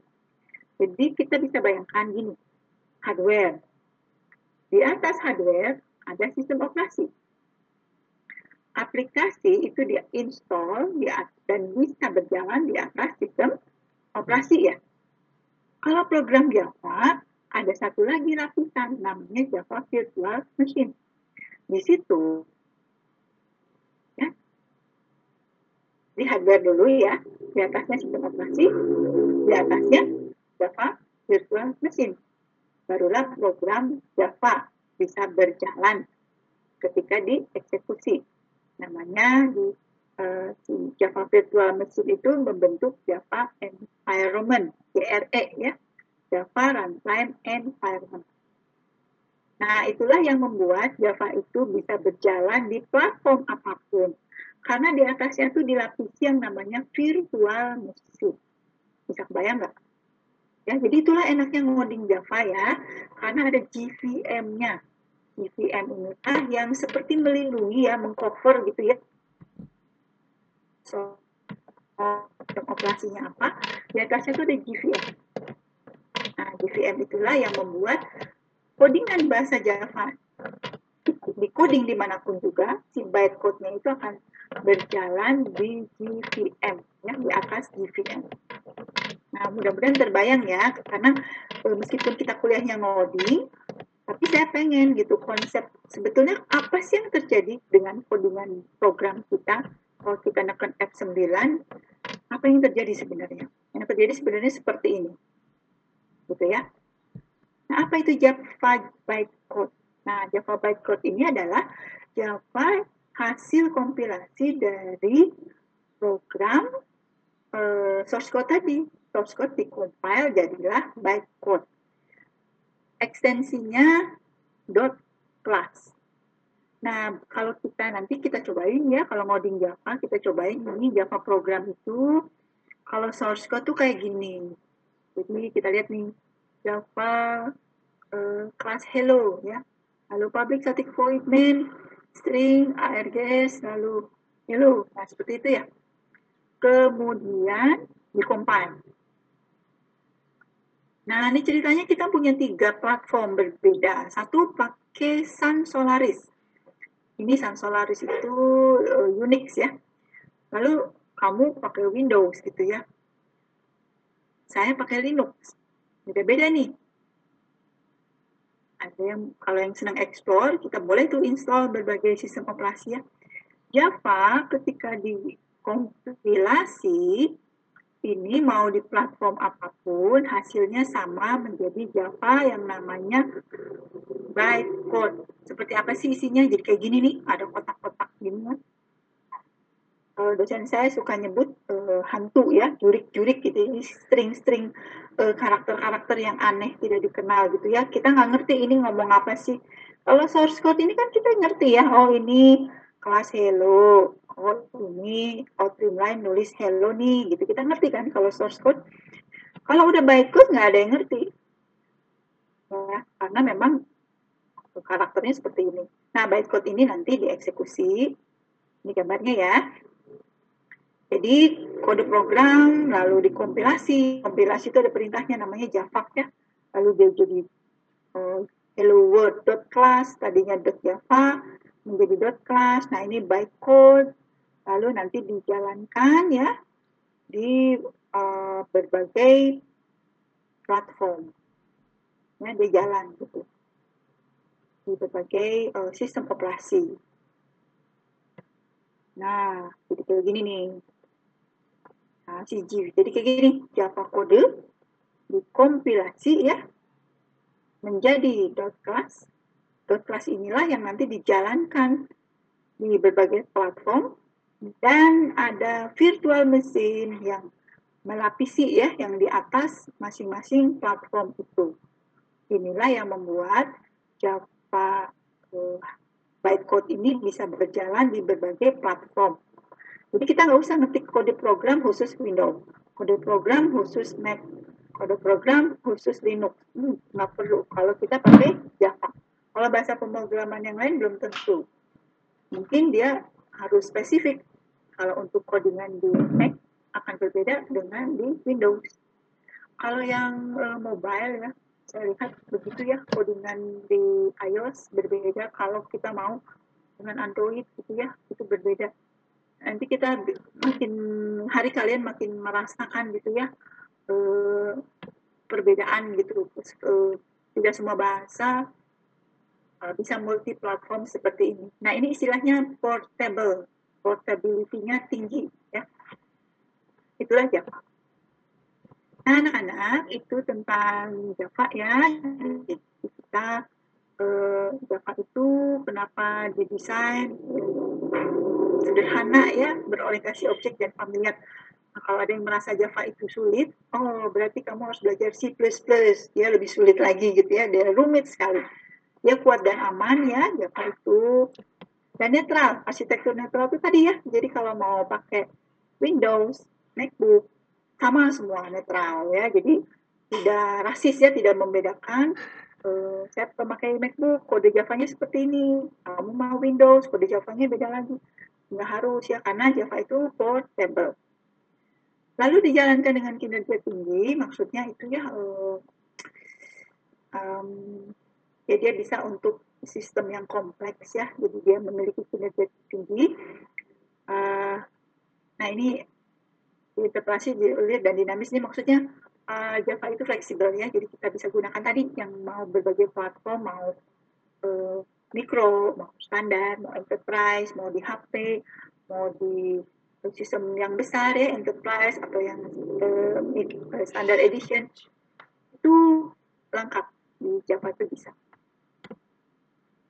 Oke ya, jadi uh, saya kira dongeng tentang bahasa Java ini kita cukupkan dulu. Kita lanjutkan ya nanti minggu depan masuk ke uh, mencoba di struktur bahasa Java. Jadi kalau hari ini dongeng dulu karena baru pertemuan pertama supaya kalian lebih mengenal ya bahasa Java, lebih uh, lebih apa ya, lebih confident ya, kemudian lebih ya tadi kalau merasa aduh gue nggak ngerti nggak apa-apa kita belajar sama-sama kalau merasa Java itu sulit silahkan lihat bahasa C++ ya itu uh, lebih kompleks lagi gitu ya supaya kita uh, bersemangat ya mengkodingnya. Baik, kalau dari saya cukup dulu karena sebetulnya kita sampai jam 18 ya. Saya pengen kita diskusi dulu karena kita zoomnya panjang juga uh, kasihan kalian juga lelah mungkin ya. Ini kita masuki sesi tanya jawab dulu atau ngobrol dulu ya. Nanti kita boleh uh, sama-sama mengcoding untuk um, mencoba struktur bahasa Java ini. Saya persilakan untuk tanya jawabnya. Silakan. Oh, Bu mau nanya Bu. Boleh silakan. Uh, itu pasti kan ngoding Java terus jadi aplikasi nah dijalanin di atas OS Nah, kalau OS juga kan pakai bahasa codingan. Nah, itu gimana, Bu? Maksudnya? Oh. Kan bikin OS juga itu pakai codingan ya? Oh, oh. OS dibikin pakai codingan, betul. Nah, itu Jadi, gimana? Iya, maksudnya sih OS yang sudah lang yang lagi kita pakai kan. Jadi eh, eh saya kan install nih saya pakai MacBook ya, pakai Mac OS. Ya itu maksudnya OS itu itu. Jadi OS yang udah ada, yang udah ready jadi kan, ya kan codingannya itu bikin pakai codingan juga OS teh. Betul. OS itu pakai codingan juga. Nah itu dijalaninya di atas aplikasi apa bu? Oh iya gini. Jadi kalau OS ya emang itu codingan semua juga codingan. Tapi kalau OS itu dia e, memang tugasnya dia e, jalan di atas hardware. Codingnya itu e, spesifik ya agar supaya dia berjalan di atas hardware jadi OS itu memang kalian udah belajar sistem operasi kan? Jadi OS itu memang codingan, banyaknya pakai coding C malah ya setahu saya. Uh, dia jalan langsung di jalan di atas hardware sehingga di uh, OS itu yang membuat aplikasi kita ya pakai Java uh, bisa dijalankan di komputer kita ya di laptop kita karena memang ada sih sistem operasi itu. Nah, uh, gimana sih ngoding OS? Oh itu susah banget ya kalau ngoding OS, makanya kita nggak belajar untuk uh, mengcoding ke OS. Karena kalau mengcoding sistem operasi, dia harus mengcoding yang bisa menjembatani codingan kita ya aplikasi kita dengan hardware hardware kita ini. Jadi memang kalau coding-coding di OS itu banyak coding yang eh, mengakses hardware. Nah kalau hardware di laptop di komputer udah pada tahu bahwa hardware itu terdiri dari apa aja sih? Udah pada belajar belum? Belum. Bu ada ya. Jadi secara umum sih hardware itu kan ada apa? Memori ya, ada RAM-nya, lalu ada busnya, ada input output ya untuk I/O dan ada storage untuk penyimpanan. Itu secara umum, secara blok itu dan ada uh, computing unit CU ya. Ada al, al, alu algoritma uh, al, apa untuk menghitungnya si alu itu ya dan ada si untuk computing unit itu itu dipelajari uh, arsitektur komputer secara umum. Nah, OS sistem operasi itu kan dikoding. Orang yang membuat bukan kita. Nah, orang itu mengkoding supaya dia bisa mengoperasikan masing-masing hardware yang ada di komputer kita. Jadi bagaimana mengakses memori, bagaimana menampilkan ke layar, ya, bagaimana mengambil data dari hard disk. Itu siapa sih yang ngerjain? OS. Kalau nggak ada OS nggak bisa. Nah, kalau kita tugasnya adalah membuat aplikasi dan aplikasi kita akan berjalan, saya nyebutnya ya berjalan di atas sistem operasi. Nah, sistem operasi yang kita install itu udah jadi, udah tinggal kita gunakan. Tidak ada codingannya lagi kan, apalagi kalau pakai Windows nggak kelihatan codingannya. Gitu. Tadi siapa yang nanya? Saska? Saya, Bu. Uh, udah lebih terbayang belum, Tasya? Kalau belum terbayang, kita berarti uh, review dulu ya. Jadi gini, ini kita kuliahnya ngoding kok. Tapi saya mereview uh, apa sih yang terjadi kalau kita ngoding itu, kenapa kita bisa berjalan. Ada yang namanya kompilasi, ada yang namanya sistem operasi. Nah itu kita samakan persepsi. Takutnya banyak yang belum paham. Kalau sudah paham, berarti aman. Kalau belum paham, berarti kita diskusikan. Gimana Saska masih bingung, masih belum terbayang tentang si OS itu? Berarti bahasa yang dipakai buat bikin OS itu bukan Java lagi ya Bu? Atau uh, ada yang lebih ke bahasa rendah gitu? Ya, kalau dulu mah ya, uh, kalau dulu ya, kalau zaman saya kuliah ya, uh, kalau kita belajar, saya dulu belajarnya sih ya bahasa C gitu itu disebutnya itu bahasa tingkat tinggi. Kenapa disebut bahasa tingkat tinggi? Karena e, ditujukan supaya orang ke, orang bisa mengcoding. Lalu ada pelajaran juga bahasa tingkat rendah. Bahasa tingkat rendah itu adalah bahasa yang ditujukan e, untuk mesin. Ya mesin di sini maksudnya si komputer kita ya. Si mesin itu kan ada memorinya, ada CPU, ada ALU. Masih ingat CPU? RAM gitu masih ingat? Nah, Eh, kalau dulu kita belajar dua-duanya ya. Sekarang enggak ya. Sekarang bahasa tingkat rendah itu udah udah nggak diajarkan di berbagai kampus. Semuanya belajarnya bahasa tingkat tinggi. Kenapa? Karena uh, udah nggak perlu lagi mempelajari uh, sedetil itu gitu ya. Karena kita memang uh, tidak akan mengcoding OS gitu. Kecuali kalau memang uh, saya dulu belajar sistem operasi sampai belajar mengakses hardware ya. Itu uh, berarti harus memahami sistem operasi memang. Nah kalau di kita enggak ya, makin ke sini enggak karena itu udah udah sangat apa ya, sangat kompleks gitu. Jadi uh, kalau codingannya saya nggak tahu ya sistem operasi misalnya kayak macOS itu dibikinnya pakai apa. Sepemahaman saya memang bahasa C dan bahasa tingkat rendah tadi bahasa yang memang uh, digunakan untuk berkomunikasi dengan mesin. Dulu kan ada pelajaran namanya eh, bahasa assembler. Nah, saya sempat belajar. Susah banget ya, aduh susah banget lah. Jadi uh, bahasa yang kalian masih ingat bahwa kalau komputer ya hanya mengerti 0 dan 1. Tahu Ya. kan? Komputer itu nggak ngerti kalau kita ngomong ke komputer, komputer tuh nggak ngerti. Kalau kita ngetik codingan, komputer tuh nggak ngerti. Dia ngertinya hanya 01, 01 gitu ya. Ya. Masih ingat nggak? Nah, dari source code ya, dari coding atau sekarang mah komputer juga canggih ya, kita ngomong dia ngerti. Kok bisa ya jadi bahasa yang dimengerti oleh mesin ya, oleh komputer itu perjalanannya tuh panjang. Nah, lewat lewat sistem operasi dulu, sistem operasinya yang mengontrolkan ke hardware-nya, hardware-nya yang lalu melakukan eh, berbagai hal, misalnya file dari hard disk, menampilkan tulisan ke layar monitor, nah itu udah di level sistem operasi. Gimana Saskia? Kebayang nggak? Dan kita ngoding tuh ya memang eh, banyaknya di eh, nggak sampai ngoding belajar memahami sistem operasi. Padahal perlu sih, apalagi kalau kamu nanti belajar, eh, pernah dengar Internet of Things? Kita akan menggunakan banyak hardware ya, microcontroller. Nanti belajar kok, microcontroller ya. Nanti ada pelajarannya eh, bagaimana kita mengcoding yang bisa mengakses mesin. Nanti Saskia. Gitu. Yang lain bisa ngikutin nggak diskusi ini nih? Ini menarik nih. Karena Saskia penasaran sama sistem operasi ya. Ya, Bu. Soalnya kan Linux kan banyak.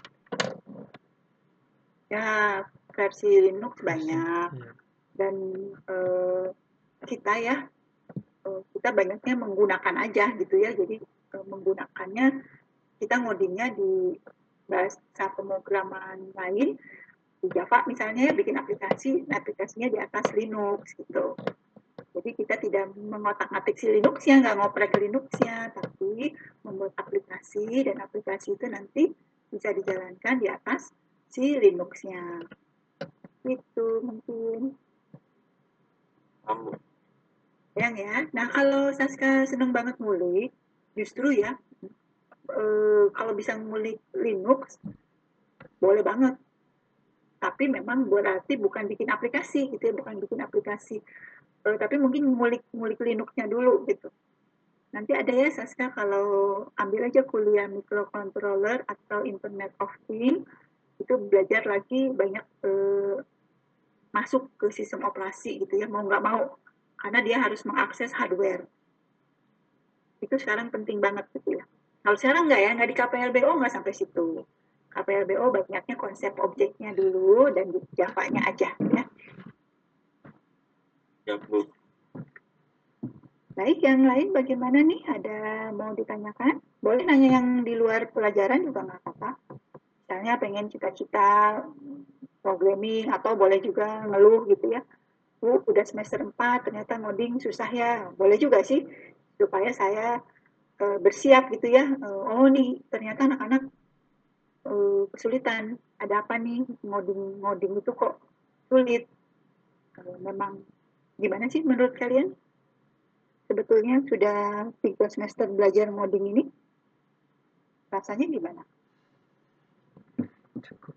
Pusing nggak. Bu, mungkin saya mewakili yang lain. Hmm, boleh. Itu apa sih kan? Jadi sebenarnya buat ngoding itu pemahamannya bukan dari mahasiswanya aja tapi cara dosen mengajar juga itu sebenarnya berpengaruh sih Bu. hmm, dalam mengajar dosen ya oke Ya, itu. Jadi kalau misalnya pelajarannya mengerti tapi dosennya itu apa sih suka jadi cara mengajarnya kurang paham ke kitanya juga kurang paham jadi mau nanya juga gimana Oh, gitu. itu mungkin pengalaman semester semester sebelumnya ya. Ya Bu. Jadi eh, masih sangat eh, terpengaruh kepada cara mengajar dosen gitu ya. Oke oke. Tapi mungkin em, bagus juga nih kalau menyampaikan ke dosennya ya bahwa eh, saya nggak ngerti eh, supaya memang apa ya eh, dosennya jadi tahu juga bahwa eh, atau saya jadi tahu oh saya ngajar gini tuh ternyata pada nggak ngerti. Berarti jangan gini ngajarnya. Kayak gitu mungkin ya jadi anak-anak eh, Saska dan teman-teman kalau nggak ngerti terhadap materi saya langsung ditanyakan. Jangan jangan malu ya jangan takut. Eh, minta diulang aja bu bagian ini tolong diulang gitu. Karena nggak ngerti. Itu mungkin ya kalau dari saya. Memang sih Ya. kalau mahasiswa itu harapannya ya udah dewasa ya jadi eh, makin kurangilah kebergantungan kepada pengajar ya. Semakin ya memang sih kalau susah kalau nggak ngerti makin bingung gitu ya. Tapi eh, kalau mandiri ya begitu dia nggak ngerti dia cari informasi eh, minta tolong kakak kelas ya mungkin bisa membantu ya. Makanya kita ada praktikum itu sebetulnya supaya kalian berinteraksi dengan kakak kelas supaya lebih dibantu itu mungkin kalau dari saya ya Mas yang lain eh, Ya, terwakili ya Makasih, Bu. sama-sama. Jadi yang lain gimana nih untuk pemrograman? Kira-kira udah tiga semester, apakah eh, sudah sudah apa ya? Eh, sudah ya memang banyaknya ngoding ya belajar ngoding di informatika itu karena ya bekal ya bekal. Eh, kalau sekarang belum paham nggak apa-apa. Karena ngoding tuh nggak pernah bisa langsung paham. Kayak orang berenang. Ngoding tuh kayak orang berenang. Nggak bisa kalau cuma teorinya, dia harus nyemplung. Nggak bisa juga nyemplung tuh cuma nyobain satu dua tiga kali ya.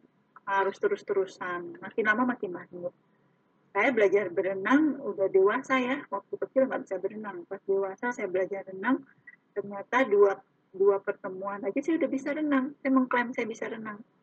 Tapi nggak bisa lama ya nggak bisa lama jadi jaraknya pendek terus nggak bisa cepet gitu ya nggak mahir jadi cuma tahu oh gini toh renang tuh begitu disuruh renang yang panjang bolak-balik nggak bisa saya sebenarnya gitu ya masih masih nggak mahir. Nah ngoding juga gitu jadi kalau sekarang nggak bisa nggak apa-apa jangan jangan hopeless. Eh, nanti aja pas kerja belajar lagi pas TA belajar lagi itu sedikit-sedikit lah gitu ya jadi nggak bisa tiba-tiba jagoan itu nggak mungkin kecuali memang eh, saya belajar renangnya rajin banget tiap hari tiap hari bolak-balik bolak-balik tiga jam oh, mungkin eh, seminggu udah jago banget gitu ya kalau ngoding tuh Oke, nah anak-anak karena sebetulnya kita sampai jam 18 ya, 18 lebih malah. Tapi eh, gimana nih, apakah materi masih banyak ya? Jadi materi berikutnya adalah mengenai review ya. Em, tapi mungkin saya sisakan aja ya, atau gimana nih kalian? Silahkan dilihat di slide-nya ya. Jadi di situ review-review kita mulai dengan membuat hello world,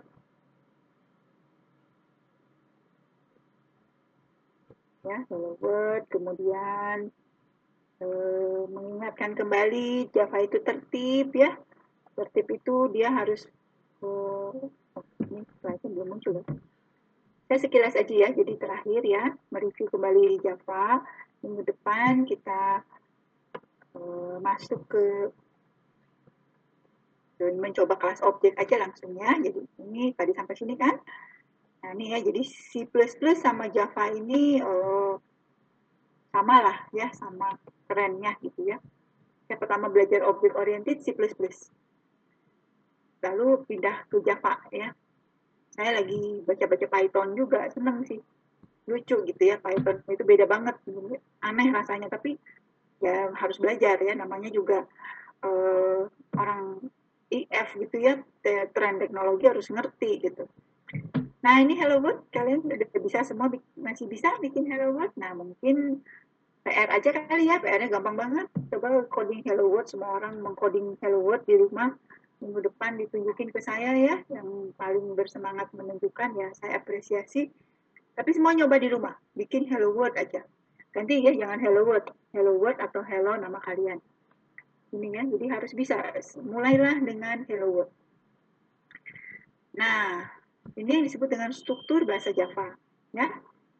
Pertama, bagian atas ini eh, ini ada istilahnya anatomi. Jadi ada yang menyebutnya anatomi. Anatomi itu kayak badannya gitu ya. Jadi di atas ini bagian komentar. Saya selalu meminta kalian membiasakan kalau membuat kode program atasnya itu ada komen. Di komentar tuh isinya apa? Identitas mengenai program. Minimal siapa yang bikin, tanggal berapa dia bikin. Kenapa? Karena nanti kalau udah lama ya, ubek-ubek itu udah panjang, udah lama, bertahun-tahun begitu kita ngelihat jadi ingat lagi, oh ini saya pernah bikin ini tahun berapa gitu. Kalau saya sih cukup lengkap biasanya ya di, di komentar itu. Yang bikin siapa, tanggal berapa pertama kali dibikin, tanggal berapa terakhir diupdate, dan ada deskripsi ini program sebetulnya mau ngapain sih, tentang apa sih. Nah itu pentingnya komentar ya kayak yang diremehkan, dilecehkan, tapi sebetulnya itu bagian dari dokumentasi. Kalian pernah belajar RPL, semester depan belajar PSBO ya, bahwa sebetulnya program itu seharusnya dilengkapi dengan dokumen. Nah, kalau dokumen dalam program, yaitu dalam komentar. Jadi komentar tuh bukan hal yang remeh. Nah, bahkan nanti kalau tugas mengumpulkan tugas ya, saya lihat di komentar namanya siapa nih? Wah ini kok copy paste orang nama yang ngumpulin siapa ngakunya? Dilihat di komentar oh punya siapa? Kelihatan gitu ya di situ. Oke nah berikutnya ini eh, namanya kelas deklarasi kelas ya yang segini nih, nih sekotak ini ya. Ada public class lalu nama programnya eh sorry nama kelasnya. Jangan lupa kurawal buka dan kurawal tutup di Java Kurawal bukanya tuh diawali di sebelah sini ya. Kurawal tutupnya itu sejajar dengan di awal. Boleh nggak kurawalnya di bawah? Boleh-boleh aja. Tapi itu stylenya orang si. Jadi codingan orang si itu si kurawalnya tuh di bawah. Kalau orang Java enggak, di atas. Kenapa ya begitu? Ya biarin aja ya, biar, biar berbeda gitu ya, biar kita punya kekhasan. Saya orang Java, saya selalu kurawal saya selalu di atas ya. Tapi begitu saya melihat codingan teman-teman yang sih, oh di sini dia kurawalnya nggak apa-apa, nggak masalah. Nah kemudian di sini ada yang namanya main method. Ini kok nggak muncul tulisannya? Main method itu tulisan public static void main ya. Dihafalin kan? Public static void main. Empat suku kata itu. Lalu di sini kita menjalankan, eh, menuliskan berbagai kode, misalnya hello world, Nah, main method ini adalah metode ya nanti kita belajar metode tempat pertama kali program itu dijalankan. Itu konsepnya ya. Saya pernah bikin berbagai kelas ya Java, tapi nggak ada mainnya. Error nggak? Nggak error, nggak apa-apa. Jadi saya bikin banyak banget kelas. Bahkan di KPLBO ini kita akan belajar banyak sekali kelas yang nggak ada mainnya. Terus gimana? Ya jalankannya nanti di sebuah kelas yang memang mengandung main method. Kita akan belajar seperti itu ya, supaya rapi. Nah, ini jawaban nanti ini sekilas-sekilas aja kalian baca aja ya. Ini panjang banget sih si pertemuan review ini. Nanti saya sudahi beberapa aja ya. Bahwa sampai sini aja sampai tipe ya. Java ini strongly spesifik, di mana ketika variabel dideklarasikan, tipenya juga harus dideklarasikan. Kalau kita pertama kali belajarnya Java, eh, ya memang beginilah caranya. Tapi di Python itu nggak harus gitu. Jadi saya bisa punya variabel yang nggak ada tipenya. Bahkan langsung ada isinya. Nah gitu ya, jadi kalau di Java nggak boleh. Dia spesifik, strongly, tertib. Jadi ketika kita deklarasikan tipe, kita memberitahu compiler berapa banyak memori yang dialokasikan untuk variabel pada waktu proses dan juga membatasi konteks di mana variabel tersebut nantinya dapat digunakan dalam program kita. Um, ini maksudnya gini ya, gunanya tipe tipe itu kan beda-beda ya, ada tipe integer, ada tipe string. Nah itu kalau kita mendeklarasikan tipenya, berarti compiler itu sudah tahu. Oh ini nanti ada tipe string nih. Oh, di program ini ada 10 tipe string. Jadi si compiler sudah siap-siap menyiapkan uh, alokasi memori untuk 10 tipe string. String itu lebar ya. Uh, kalau kita tipenya integer itu mungkin uh, pendek, alokasinya pendek. Nanti kita belajar tentang alokasi ya supaya lebih terbayang. Nah, Java ini punya 8 tipe primitif. Kenapa sih disebut primitif? Ya memang istilahnya dia begitu ya. Primitive type. Apa itu primitive type? E, tipe yang sudah disiapkan oleh Java ya. Jadi ada empat numerik, byte, oh, ini pendek ya sorry ini bahasa Indonesia nya ini short jangan diterjemahin ya ini long tolong diralat di slide-nya ya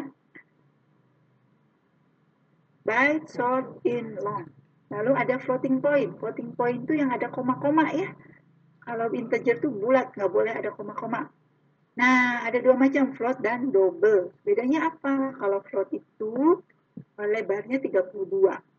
32 bit. Masih ingat ya bit ya? Jadi kalau bit itu dia uh, ukurannya. Kalau double dua kalinya lebih panjang lagi. Jadi angkanya bisa lebih banyak. Kalau double itu dua kalinya daripada float. Tipe lainnya adalah karakter. Kemudian ada boolean. Ya, Udah berapa tuh? 1, 2, 3, 4, 5, 6, 7, 8. Bagaimana dengan string? Sebetulnya string itu adalah sebuah tipe yang berbentuk kelas ya. Jadi selain 8 tipe primitif, kita juga eh, Java juga menyiapkan tipe string. Nah, ini silakan itu mah pasti kalian sudah sering bertemu atau menggunakan tipe uh, tipe untuk variabel ya. Dan cara penggunaannya juga pasti masih ingat ya, contohnya seperti ini nih, integer count. Oh, berarti nama variabelnya count. Ya, lalu dia bertipe integer. Kalau mau diisi, saya nyebutnya diisi. Bahasa kerennya di assign. Count ini diisi dengan satu. Boleh juga loh diisi seperti ini, Papa, plus 4,0. Boleh juga loh diisi rumus lihat nih price sama dengan cost plus A plus B dibagi length boleh juga di kalau karakter jangan lupa cara mengisinya itu sebuah uh, karakter diikuti di apa dikutip ya ada tanda kutipnya. Nah ini adalah variabel dan tipenya Java itu mengharuskan ada tipe. Kalau tidak ada tipe dia langsung ngambek ya langsung error. Dia bilang tipe tidak ada itu yang disebut dengan strong lead nah, strong lead part nah ini untuk untuk uh, berikutnya mungkin kita ulas minggu depan ya tapi dibaca-baca dulu dan saya meminta kalian uh, sebetulnya sih kalau di tugas mah ya ya hello world tadi ya mengcoding hello world untuk me, merefresh kembali kemudian di sini sebetulnya nanti saya jelaskan ya tipe string, lalu operator string. Nah, saya bikin challenge aja tuh ya. Um, ini nggak ada tugasnya ya. Nanti saya jelasin deh. Oh, ya udah, tugasnya ini aja. Tugasnya nanti saya jelasin ya ini sisanya slide ini ada tugas, tapi tugasnya hanya membuat program Hello World ya hello world aja kemudian hmm, apa ya hmm, selain hello world tolong membuat ya mungkin ambil aja dari tugas algoritma mungkin ya tugas dashboard yang pernah codingan Java-nya disiapkan lalu ditunjukkan ke saya karena saya sudah mengajar dashboard dan algoritma jadi saya tahu, oh kalian udah belajar ini, oh kamu udah bisa sampai sini. Sehingga waktu KPLBO saya bisa uh, lanjutkan. Atau misalnya kalian menunjukkan, Bu, saya diajarin ini tapi nggak ngerti. Gitu. Bisa lihat, oh berarti saya jangan buru-buru. Karena anak-anak kita belum ngerti materi yang seharusnya sudah dipahami pada saat KPLBO. Eh, sorry, pada saat Daspro dan Apro. Ya. Oke deh anak-anak ini sudah mau maghrib ya, eh, belum sih, masih 17.43. Tapi saya mohon izin untuk uh, kita zoomnya dicukupkan ya, karena kalau uh, ya kalian masih hadir nggak bisa jadi curiga, jangan-jangan udah pada tidur ya. Masih Bu. Hadir Bu, hadir Bu. Hadir Bu, hadir Bu. Habis kalau saya tanya ada yang tanya diam krik krik krik krik gitu ya. Siapa yang mau nanya? Uh, jadi kirain udah pada hilang itu nggak enaknya zoom ya jadi saya tuh ngomong sama laptop gitu ya saya nggak bisa lihat kalian kalian lagi apa nih lagi pada ngapain nggak kelihatan ya tapi Tapi kalau nyalain video terus-terusan juga sayang kuotanya ya, boros banget. Jadi udahlah videonya dimatikan. Tahun lalu kita belum diwajibkan pakai Zoom, jadi saya pakai Discord. Kalian mau pakai Discord atau pakai Zoom? Zoom. Zoom aja, Bu. Zoom aja ya. Kalian tahu Discord kan? Tahu, Bu. Tahu, Bu. lalu saya pakai Discord sih, karena memang voice channel aja, nggak ada videonya ya. Itu lebih ringan ya kayaknya ya. Tapi kita pakai Zoom aja lah, karena sudah disiapkan. Oke, kita tutup dulu aja ya. Udah mau jam 6, nggak apa-apa kan? Meskipun materinya masih banyak, jadi dibaca-baca dulu. Tugasnya cuma bikin hello world dan apa? Tugasnya satu lagi apa? Hmm, Ayo, tadi tugasnya apa? Retin Alpro sama Das Pro, Bu. Hmm, Oke, jadi tugasnya eh, ngambil Program. contoh program yang sudah pernah dibuat pada saat Alpro atau atau ya atau Daspro salah satu aja satu program aja jangan banyak-banyak. Untuk menunjukkan ke saya eh, saya udah ngerti ini gitu. Atau kalian juga boleh juga menunjukkan program yang nggak ngerti. Ibu saya teh nggak ngerti ini paham ya. Jadi tujuannya hanya untuk mereview eh, Java dasar dan Java yang sudah dipelajari di Daspro serta Alpro ya.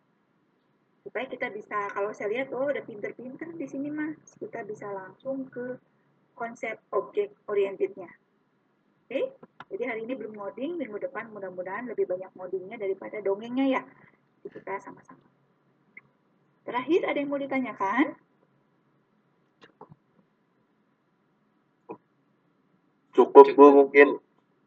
cukup dulu ya kalian tidak menanyakan apa nasib eh, praktikum mungkin nggak belum belum belum ya praktikum belum ada isu atau apa ya Belum, Bu. Oke. Baik, kalau gitu kita tutup saja untuk pertemuan hari ini. Terima kasih untuk perhatiannya. Slide-nya dibaca sendiri ya, sisanya. Kalau ada yang nggak ngerti, boleh langsung ditanyakan. Kalau udah ada WhatsApp group, boleh juga dikomunikasikan di WhatsApp grupnya, apa pun yang terkait dengan perkuliahan. Saya tutup saja perkuliahan hari ini. Terima kasih untuk perhatiannya dan semangatnya. Kita ketemu lagi minggu depan ya, insya Allah. Assalamualaikum warahmatullahi wabarakatuh. Waalaikumsalam warahmatullahi wabarakatuh.